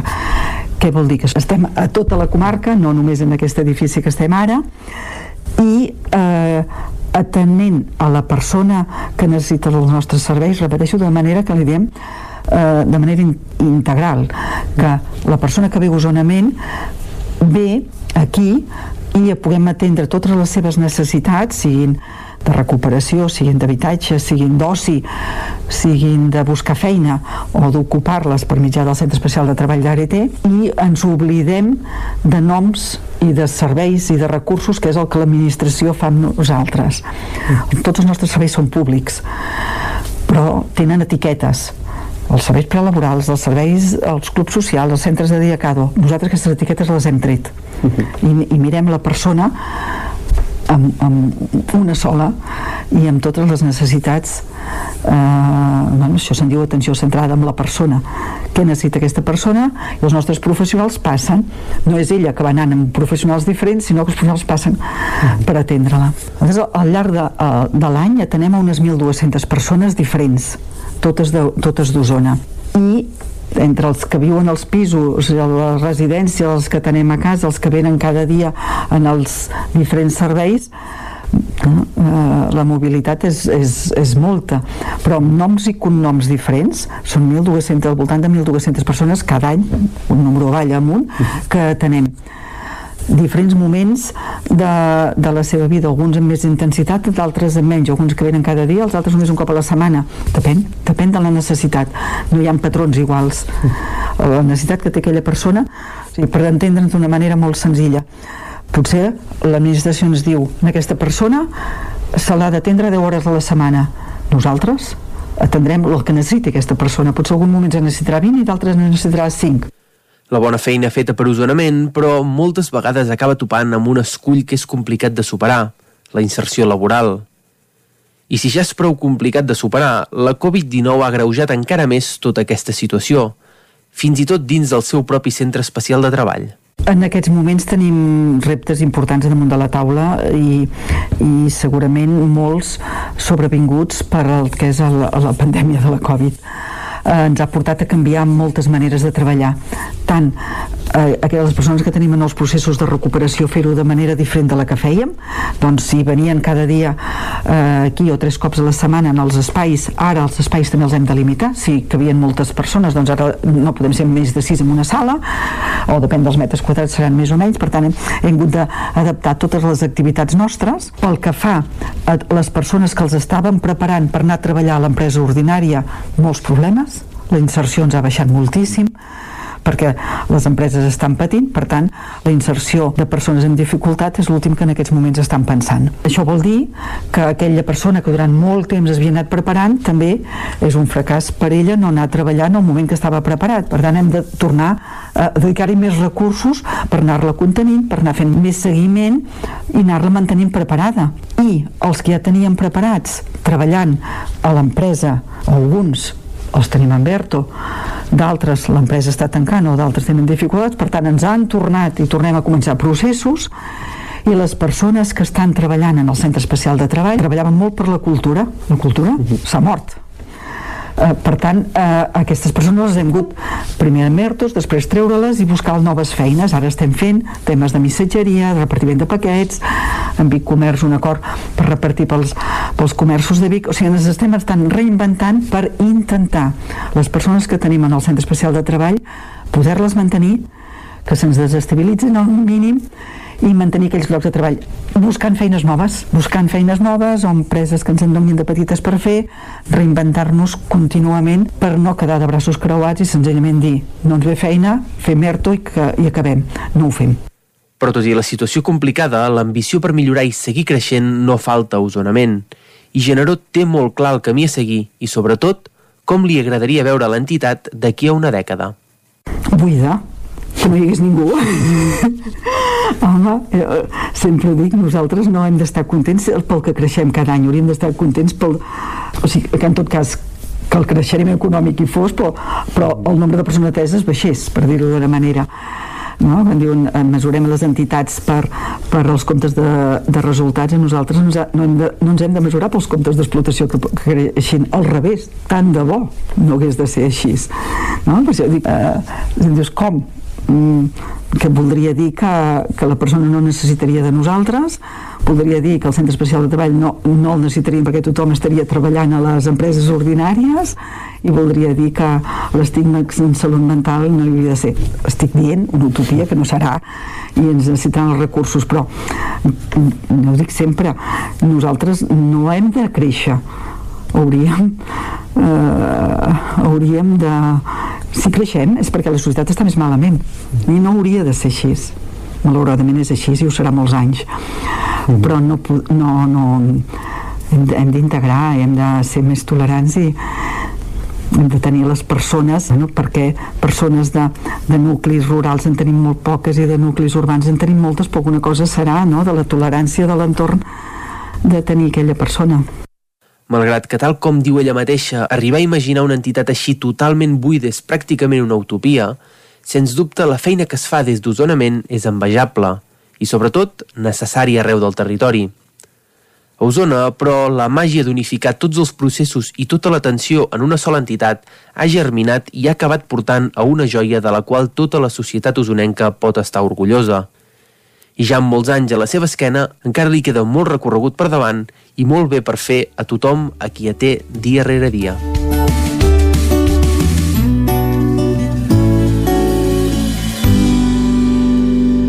Territori 17 doncs avui que l'Eloi Puigferrer ens ha costat a la feina que fan a Osonament, eh, una feina que val un imperi, Vicenç, Exacte. i de la qual eh, n'hauríem d'estar orgullosos no només els osonencs, sinó tota la gent de Territori 17. Exactament, una gran tasca en benefici de la salut de les persones. Ara una pausa i tornem. El restaurant El Racó de León no s'oblida dels seus clients en aquests temps difícils i us ofereix els vostres plats preferits per emportar. Reserves al telèfon 93 889 1950. Obrim amb el 30% d'aforament. Disposem de menjador i terrassa amb totes les mesures de seguretat. Cocodril Club. Si t'agrada la bona música dels anys 60, 70 i 80, escolta el 9 FM als matins de dissabtes i diumenges d'11 a 1. És el temps del Cocodril Club, tot un clàssic de la ràdio, amb les bases del pop-rock, les llegendes, les cançons que s'han convertit en autèntics himnes. Recorda, dissabtes i diumenges al matí, d'11 a 1, al 9 FM 92.8. Cocodril Club, el programa revival de l'Albert Malla. Hasta luego, cocodrilo. Cobertes serveis funeraris. Els nostres tanatoris estan ubicats en els nuclis urbans més poblats de la comarca d'Osona per oferir un millor servei. Tanatori de Vic, Tanatori de Manlleu, Tanatori de Centelles i Tanatori de Roda de Ter. Sabem que són moments difícils i per això el nostre compromís és atendre-us en tot moment amb un tracte humà, sensible i respectuós. Cobertes serveis funeraris. Telèfon 24 hores 93 883 23 46. Són temps de reptes. A la Fogonera n'hem aconseguit tres. Servir arrossos d'estrella, per emportar i a un preu de justícia. Aquest hivern tenim l'arròs de calçots en tempura. La Fogonera, la rosseria de paelles per emportar a GURB i que també et portem a casa. Telèfon 93 851 55 75 i a lafogonera.cat. I quan cau la nit, Pupurri Culinari, solucions per sopar les nits de divendres i dissabte. Entra a pupurriculinari.cat i tria. Amb Pradell estalvio energia i cuido la meva butxaca i el medi ambient. Posa't en mans de Pradell. Són experts en calderes de gas i condensació, estufes de pèl·let, energia solar, terres radiants, geotèrmia i aerotèrmia. Pradell instal·la calderes de biomassa per a particulars i per a empreses. Si vols estalviar un 50% en consum, contacta amb Pradell i passa't a les energies renovables. Pradell som a l'Avinguda Països Catalans 27 de Vic. Telèfon 93 885 1197. Pradell.cat. Cefusol, centre de formació de soldadura GURB. Som especialistes en processos de soldadura. Disposem d'instal·lacions totalment equipades per a classes de teòrica i pràctica amb cabines individuals i equipaments de seguretat. Assessorem empreses i oferim cursos subvencionats i bonificats. Vine i t'informarem. Cefusol, som al carrer Sant Roc número 21 de GURB. Telèfon 664 206 192. També ens trobaràs a cefusol.com i a YouTube. Nou FM, el nou FM, el nou FM, el nou FM.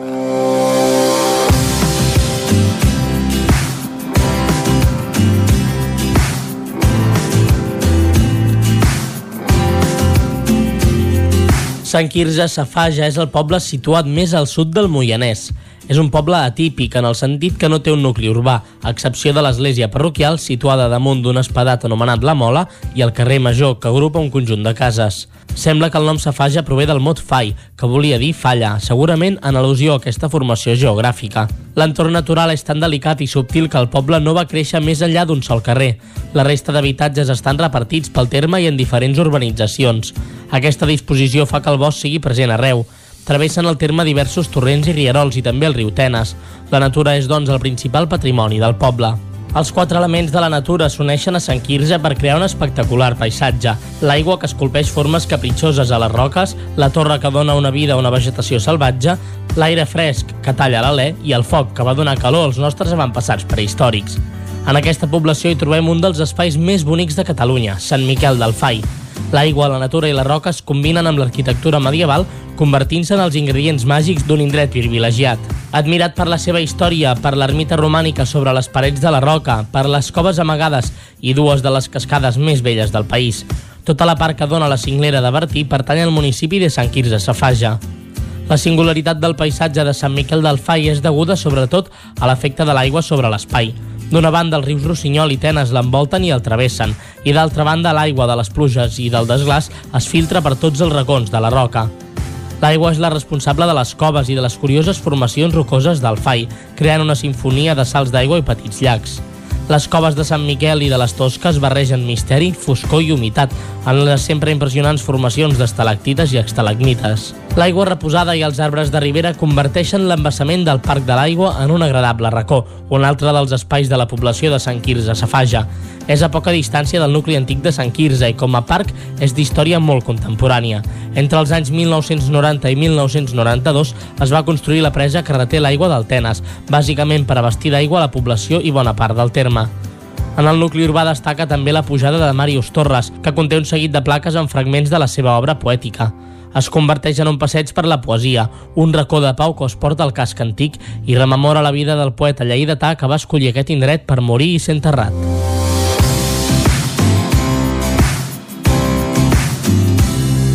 Territori 17. Ui, te veus, no ho sabia, que Sant Quirze Safaja hi havia l'autor del... Bé, anava a dir quina és aquella mítica cançó del Lluís Llach amb lletra del Màrius Torres. Cançó home alta. Ah, exacte. Que era, Quiqui. doncs, una persona que es va amistançar amb ell en la seva estada al uh, sanatori de Puigolena on se tenia uh, persones malaltes de tuberculosi uh Mhm. -huh. i que tenia una relació també molt estreta amb Sant Martí de Centelles i concretament amb el Mas Blanc que està a prop del uh, sanatori però ja en terme de Sant Martí doncs que també visitava freqüentment quan estava més bé doncs i i anava a dormir i a conseqüència doncs, d'aquesta malaltia que no va poder superar, doncs Màrius Torres va morir a Puigolana i va ser enterrat, és enterrat de fet al cementiri de Sant Quirze Safaja. Doncs goita, si n'hem après de coses avui aquí a Territori 17. Som una enciclopèdia on cada dia també s'aprenen coses és anant amb tren a la R3 i anem? Anem-hi. Enfilem-nos-hi, va.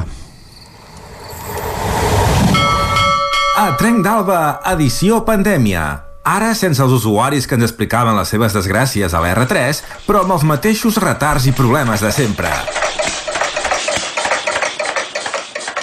Benvinguts a Tren d'Alba. Si fa uns dies parlàvem de la mala planificació horària dels trens, doncs avui us en poso un exemple pràctic d'un usuari de la R3 que explica quin és el resultat del còctel mortal entre aquests problemes horaris i unes obres que no s'acaben mai. Aquesta persona diu que a Catalunya ja no queden trens nocturns, però recorda que la R3 connecta amb el tren nocturn de la SNCF, o Ferrocarrils Francesos, a París. L'usuari tenia pensat fer el viatge de Barcelona a París per feina amb aquest tren nocturn que s'agafa a la Tour de Carol, però resulta que l'autobús de la R3 arriba a aquesta població a les 7 del vespre, mentre que l'Intercité de Nuit surt 9 minuts abans. Per tant, per poder arribar-hi, hauria de sortir de la Sagrera a 3 quarts d'una del migdia i esperar un parell d'hores. L'alternativa és el TGV, però hauria de perdre tot el dia. I com que porta més d'un any sense pujar un avió i no vol trencar la ratxa, doncs li tocaran en cotxe fins a la Tour de Carol pel túnel del Cadí sortint de Barcelona a les 4 de la tarda. Les aventures de l'R3, un dia més. Va, ens retrobem demà amb més històries del tren i d'aquesta línia.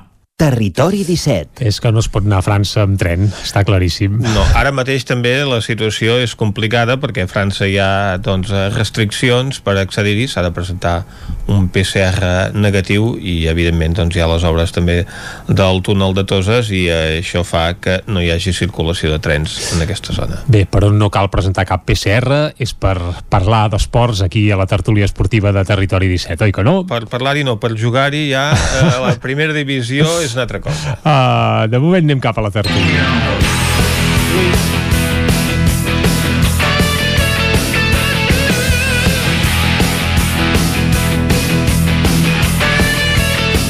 Una tertúlia que avui comptarà amb algun tertulià nou, eh? A Vicenç Vigues, perquè tenim baixes pel bàndol barcelonista, però bé, evidentment... Eh, hi haurà un barcelonista igualment, com Doncs cada setmana. Sí. Uh, qui ens acompanyarà avui, Vicenç? Doncs avui en el paper de barcelonista hi tenim en Miquel R. Bon dia, Miquel. Molt bon dia. En el paper d'espanyolista i tenim en Lluís de Planell. Lluís, bon dia. Espanyolista sona, sona malament, eh? Casa teva. Ho he, ho, he dit, ho he dit en segones perquè sé que en, en Lluís de Planell és de l'espanyol però no espanyolista. Ah, exactament. Molt ben dit, això. I en el paper de madridista i ho deixem aquí Ho deixem aquí, eh? a l'Isaac Muntades Isaac Bon dia, bon dia. anava a dir, sou tres, sou tres barcelonistes. No no n'hi ha un cada setmana, n'hi ha tres. Ah, sí? Perquè, sí, home, tu Jordi i tu Vicenç sou del, del Barça. Bueno, però, però ho dissimulem. Vull dir... bueno, no gaire. eh? No, No, no gaire. La paraula dissimular i, i Barça no existeix. Exacte. Què, què n'opineu, per cert, ara de- d'això del Barça Gate que han entrat a registrar les oficines del club, els Mossos? Quan, això? Ara mateix? Ara mateix. Ah, doncs no... Sí, sí, segons la cadena SER, Mhm. i ja han anat a, a investigar a veure què passa amb tot això del Barça Gate, Mhm. això de les empreses d'espionatge doncs, que, que es, es dedicaven segons sembla espiar doncs, la primera plantilla del Barça i a difondre doncs, a través de les xarxes socials doncs, eh, bueno, a, a, a, a, tir, a tirar excrements per dir-ho d'alguna manera sobre el, alguns dels jugadors i, i bé, i s'investiguen alguns de, delictes de, de corrupció entre particulars també i no es descarten detencions. Vull dir que potser abans de les eleccions està bé eh, això, que passi una setmana abans de les És que eleccions. eh, aquí està, s'ha d'interpretar amb clau electoral aquesta operació dels Mossos la mateixa setmana que hi han d'haver les eleccions a la presidència. Jo ho recordo que els Mossos és la policia de Catalunya. Sí. eh, que no és la Policia Nacional Espanyola Exacte. ni la Guàrdia Civil militaritzada espanyola també. Eh, són els Mossos Perquè aquests dones a entendre que aquests sí que actuen ja amb, amb segones en les seves intervencions. aquests estan a les ordres d'uns senyors de, de la Generalitat de Catalunya dic jo En tot cas, aquesta vegada no, els Mossos no han avisat a tort i a dret a mitjans afins perquè vagin a cobrir Ah, la informació abans que arribin ells, no? Això és una altra història. Però vaja, que aquesta setmana hi ha eleccions i, i a més a més passa, passa això, no? aquest conflicte que va, eh, que va sortir a la llum ara fa un any. però exacte, aquest, mm, de, de tant en tant passa això del Barça guai, no? Uh -huh. ho hem sentit tots que, que ara que, que sigui casualitat o no De fet, el conflicte no té res a veure amb les eleccions pròpiament, o sí, perquè potser és un dels elements que ha acabat desencadenant doncs, que passés tot el que va passar fins a la dimissió de la Junta Directiva. perquè hi ha dos senyors que havien estat a la Junta i un com a president entre els candidats, uh -huh. vull dir, eh? Exacte. Que, esclar, no sé si no sé si tenen res a veure això ho ignoro perquè no, no, no, no m'interessa massa la, la qüestió i no sé detalls però tots dos havien estat eh, presi, eh, no, president, eh, treballant amb un, pel Barça des de la Junta Directiva tant en Freixes com en Laporta Doncs bé, aquesta setmana hi haurà moguda i ara mateix, bé, mm, la veritat és que sembla que dels tres candidats n'hi ha dos que parteixen com a favorits, però el resultat no és gens clar. Les firmes ho demostren una altra cosa, eh? Sí, semblaria que la porta parteix, no? Ha, ha ha aconseguit eh, esborrar poder eh, si més no ho ha intentat la, la, la mala imatge amb la que va acabar diguéssim l'última etapa i semblaria que ara és el que està portant aquest punt d'il·lusió no? i p- per la mateixa recollida de firmes va ser molt, molt contundent És això. per tant semblaria que de moment surt com a, com a favorit en la porta Jo em baso en això, però eh, també entenc l'argument del font. Dir ho tornarem a fer vol dir que què tornaràs a fer? Perquè la porta ja sabem que, que, que va guanyar molts Aquest títols. eslògan també s'ha de llegir amb segona intenció, Ja, evidentment. ja, però I esclar, no ho només tornarem en a clau fer el, deixar el club endeutat com va deixar ell. Bé, més endeutat està ara que no pas com el va deixar en Joan Laporta. Hi ha una mica aquesta percepció, eh, parlant amb alguns, d'allò de millor boig conegut que savi per conèixer, hi ha una mica la, la percepció és que poder en Font ha arribat amb, amb això, amb, amb uns nivells de, de coneixement encara eh, eh, inferiors, hi ha molt soci Mhm. que encara sí, eh, jo penso que sí que per, si més no surt com a favorit després ja s'ha de veure no? Eh, Clar, és que això de les firmes és molt, uh, molt elàstic perquè l'última vegada Antoni Freixa va aconseguir més signatures que vots. I això ja ho diu tot de, de com funciona o de cop, de cop com funcionar doncs, eh, aquest procés. I Sí, va passar per- també anteriorment amb Jaume Llaurador i hi ha sorpreses d'aquest tipus. Per tant, evidentment, Joan Laporta té l'aval de moltíssimes signatures, però mm, bé, no sabem què pot haver passat. Que hi ha molta gent que s'ha mobilitzat, segur, perquè hi ha molt vot ja demanat per correu, per tant, segurament parlarem també d'unes eleccions rècord de participació, tot i la pandèmia, i encara per resoldre si eh, en aquells eh, comarques on no hi ha doncs, centre de votació, els socis que no hagin votat per correu es podran desplaçar o no per exercir el seu dret a vot. No? Això sí que que seria ho ha demanat el Procicat que se'ls hi autoritzi. Això sí que seria un escàndol, eh?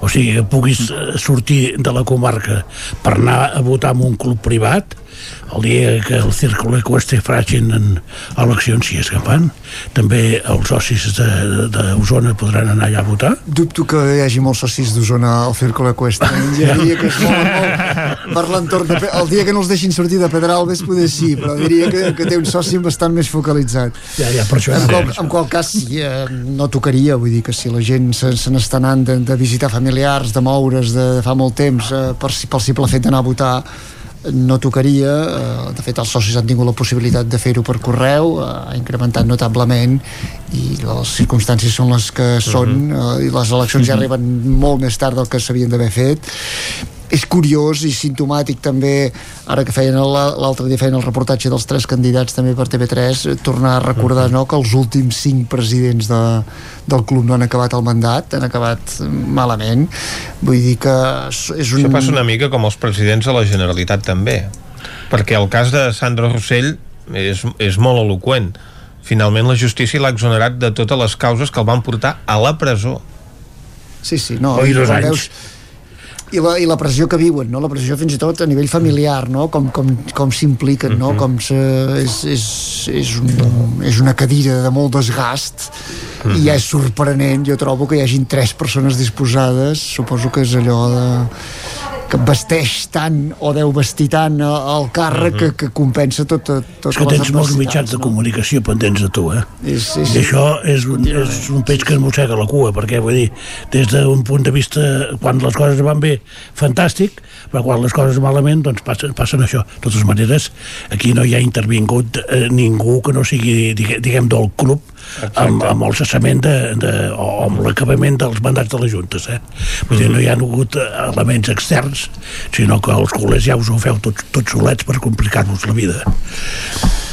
Home, eh, potser millor que el soci pugui escollir directament qui vol que sigui el seu president que no pas el que passa a la resta de clubs on hi ha una societat anònima. Vaja, a l'Espanyol sí que no podeu pas escollir el president i al Madrid tampoc, perquè... No, el Madrid sí, com que no el Madrid? Home, tal, tal i com estan les condicions per presentar-se, només es pot presentar Florentino Pérez. No, no, ningú Bueno, qüestiona, però, ningú qüestiona. però clar, eh, però això no és, però clar, ja, ja t'entenc el que vols dir, eh, però te- teòricament si algú compleix les condicions sí que es pot presentar, per tant no és allò que estigui tancat, bé que hi ha hagut altres presidents eh, quan Florentino Pérez també va, va dimitir la primera vegada no? hi va haver eh, Ramon Calderón en el seu cas, després em sembla que en algunes eleccions sí que Florentino eh, semblava que podia tenir competència, no sé si n'hi va, va haver algunes que es va arribar a votar, però bé, de fet és el millor president pel Madrid ara mateix, vull dir que tampoc realment eh, no, no és com el Barça que es barallen tots entre ells i en unes eleccions que jo si em permeteu eh, hi ha dos candidats que venen de la vella guàrdia en el fons, vull dir que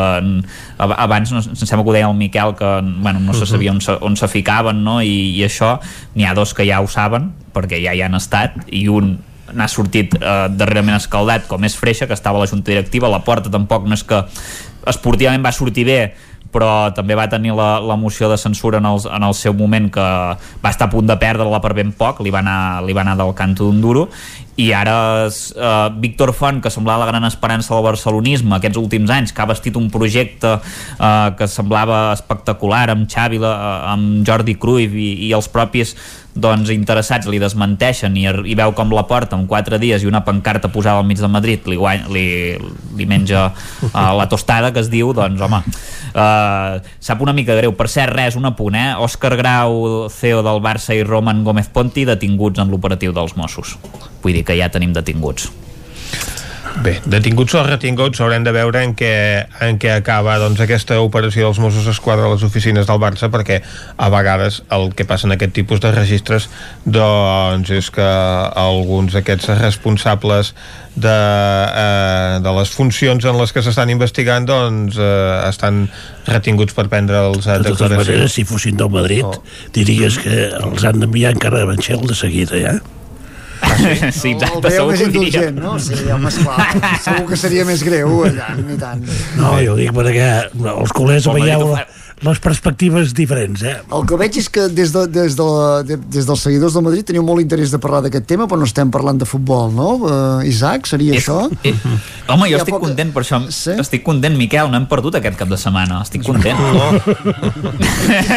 Veurem què passa aquest Tampoc vespre. heu jugat. Exacte. Exacte.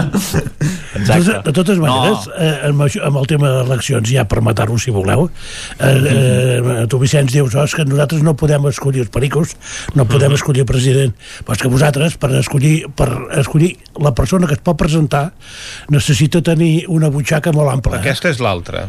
Perquè, és clar, i no parlem de, de, de 50 o 100.000 euros, uh -huh. parlem, par, estem parlant de milions d'euros, uh -huh. perquè en, en Joan Font ens deia que, que era com a mínim un, un parell de milions d'euros el que necessitava una Cada persona per, directiu. per presentar-se a, la, a les eleccions. Sí. I llavors, és clar, això, si ho, ho podeu fer tot, tots els socis del Barça, enhorabona, felicitats, però, és clar, em temo, o, o, o penso que no ho podeu fer la majoria. Aquest és un tema que s'ha de resoldre i que caldria aclarir i a veure què, què passa quan entri una nova junta i s'auditin els comptes de l'anterior, perquè si l'anterior junta doncs, no ha de eh, respondre de la gestió que ha, ha dut a terme, això posa de manifest efectivament que aquesta responsabilitat social, aquest aval que s'ha de presentar, únicament serveix perquè els socis pobres no es puguin presentar a les eleccions.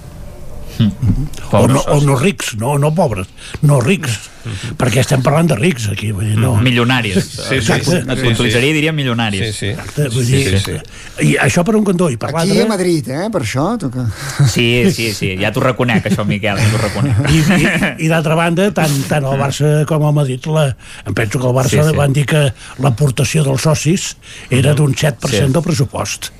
I llavors una mica em digui que el president del Barça és el que mana, bé, és una cosa que queda molt maca, però esclar, amb el 7% que, que administra per No. part dels socis, eh, la qüestió ja és diferent, eh? Sí, però és El, això, el eh? Barça mana Leo Messi. Però amb els... Però, sí. També és veritat. Bueno, són aquestes figures, és clar, aquestes figures que, arriben a acaparar tant, tant protagonisme que es converteixen, evidentment, en, en icones i, i ells poden arribar a fer i desfer. És que el, eh, però aquests clubs s'han convertit en això, són marques i per tant són, són jugadors i tot és màrqueting i tot és... Anglaterra, que, que hi, ha, hi ha equips històrics, són més, més històric el Manchester United, no n'hi ha cap més. No hi ha, no hi ha però- premsa esportiva diària. Us he, de, us he de dir una altra notícia, és que em sap greu eh, no anar pel futbol, eh, però Josep Maria Bartomeu detingut en aquests moments. Que dius ara? Sí, sí. No, no, i no, i no, no us estic enganyant, eh? us, he, us he passat, li he passat Sí, sí, sí, Vicenç, ho acaba, acaba, de passar, acaba de passar el WhatsApp. Sí, sí, no, perdoneu que no parlem de futbol, eh? em sap greu, eh? perquè gran partit del Barça al cap de setmana, eh? però... És cert, és cert, eh? No, si has clar. reconegut això, continuem parlant d'en Bartomeu. Sí, sí. No, no, això, les coses com siguin. Amb, amb, amb moltes baixes, eh, també, això s'ha de dir, eh, que també heu perdut alguns jugadors, però, però bé, hòstia, Bartomeu ho ha detingut. Ara ja sí que potser és una mica seriós, no, la cosa? Sí, sí. Bé, però això en qualsevol cas contribueix a la voluntat de regenerar el club, que és el que els socis que van donar suport a aquesta moció de censura entenc que, que volien dur a terme. I, I hi ha un- una cosa que encara no hem parlat quan parlàvem dels diners que, que suposa doncs, presentar-se a les eleccions al Barça i haver de fer front a l'aval, que és també els diners que val la campanya. Ho dic perquè com que Mm. aquesta campanya s'ha allargat tant, clar, la- la- l'anomalia de les eleccions al Barça és que eh, dura més la recollida de signatures d'avals que la pròpia campanya electoral i al capdavall la campanya acaba sent la recollida dels avals i no la pròpia campanya electoral on els diferents candidats que arriben doncs, a, a la cursa per les eleccions poden presentar els seus projectes i donar detalls de per on anirà la seva línia d'actuació perquè s'acaba reduint a set dies pràcticament no hi ha temps, no hi ha temps per res. Aquesta vegada en canvi, com que ha passat el que ha passat doncs hi ha hagut molt de temps perquè els candidats a la presidència doncs es puguin donar a conèixer, sobretot els no tan coneguts,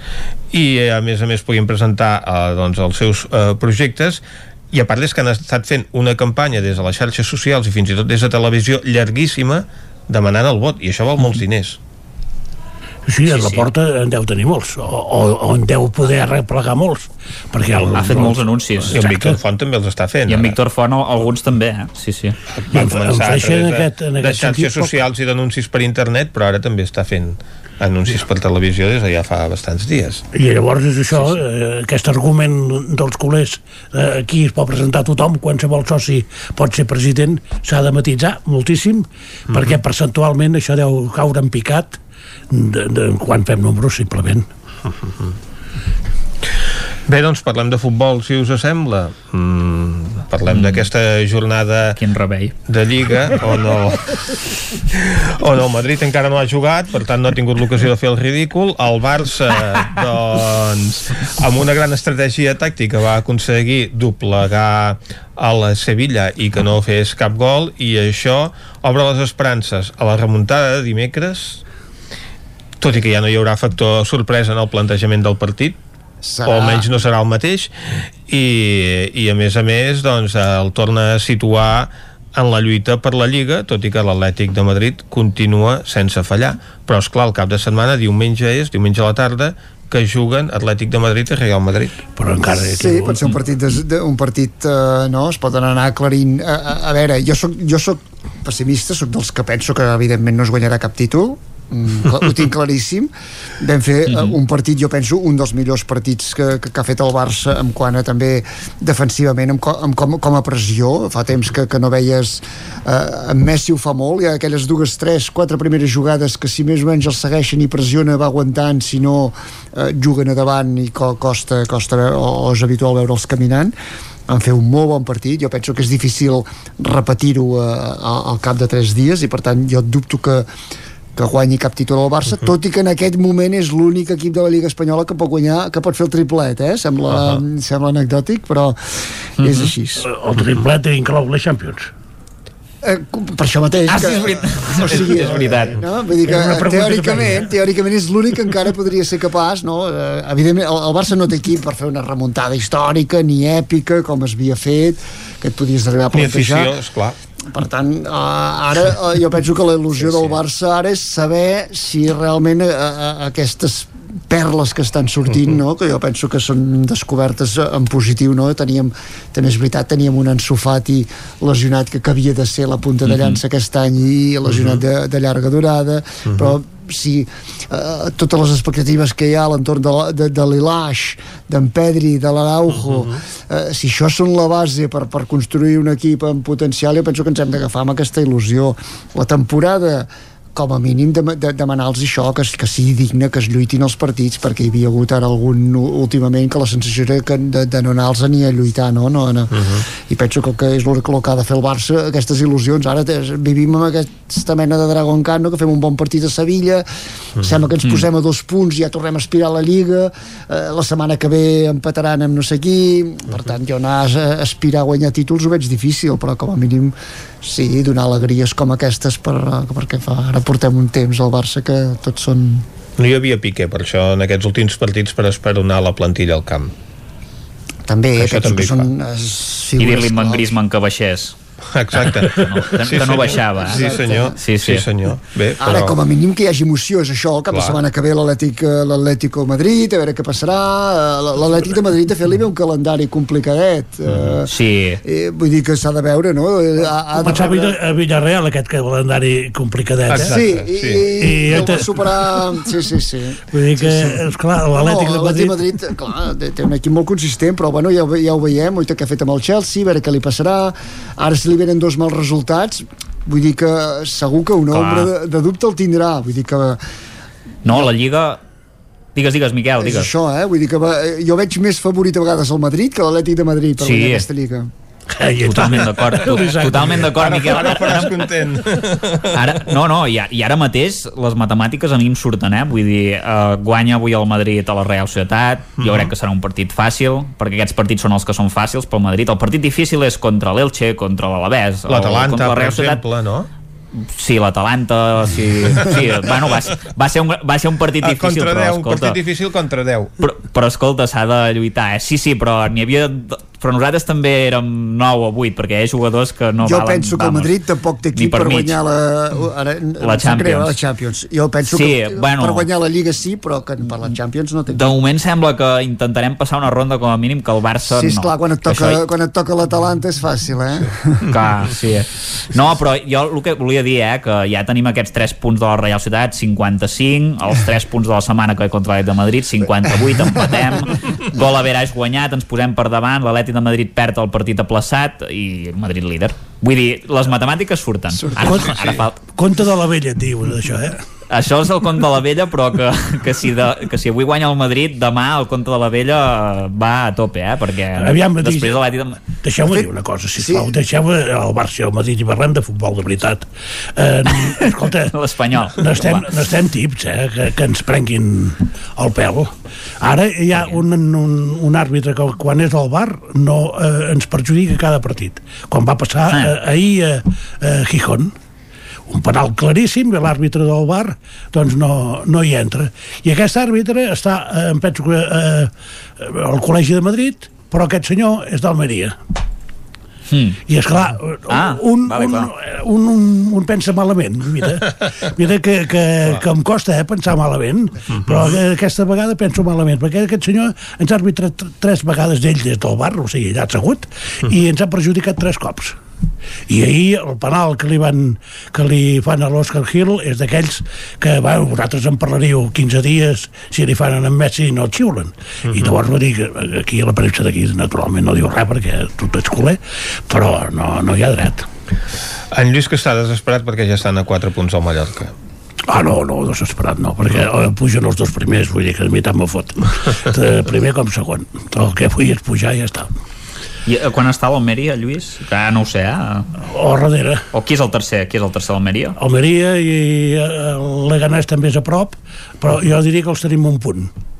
Ah, sí, un punt, un punt. I Ja el està, Leganés a no, 4. Això, això està complicadet, però eh, si, si tot eh, va normal, que ahir no va anar normal perquè ens van prendre dos punts, doncs eh, pujarem, ja està, i l'any que ve us vindrem a tocar els nassos.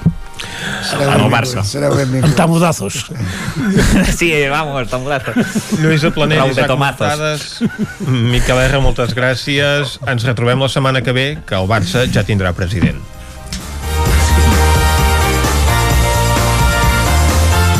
I Vicenç, el que toca ara és dir-nos adeu. Doncs sí, posar a punt i final al territori 17 d'aquest eh, dilluns que hem fet Clàudia Dinarès, Caral Campàs, Isaac Muntades, David Auladell, Pepa Costa, Isaac Moreno, Miquel R, Dolors Altarriba, Òscar Muñoz, Esther Rovira, Eloi Puigferrer, Jordi Sunyer i Vicenç Vigues. Nosaltres tornarem demà, com sempre, fent-vos companyia des de les 9 del matí i fins a les 12 del migdia. Adeu. Que vagi bé.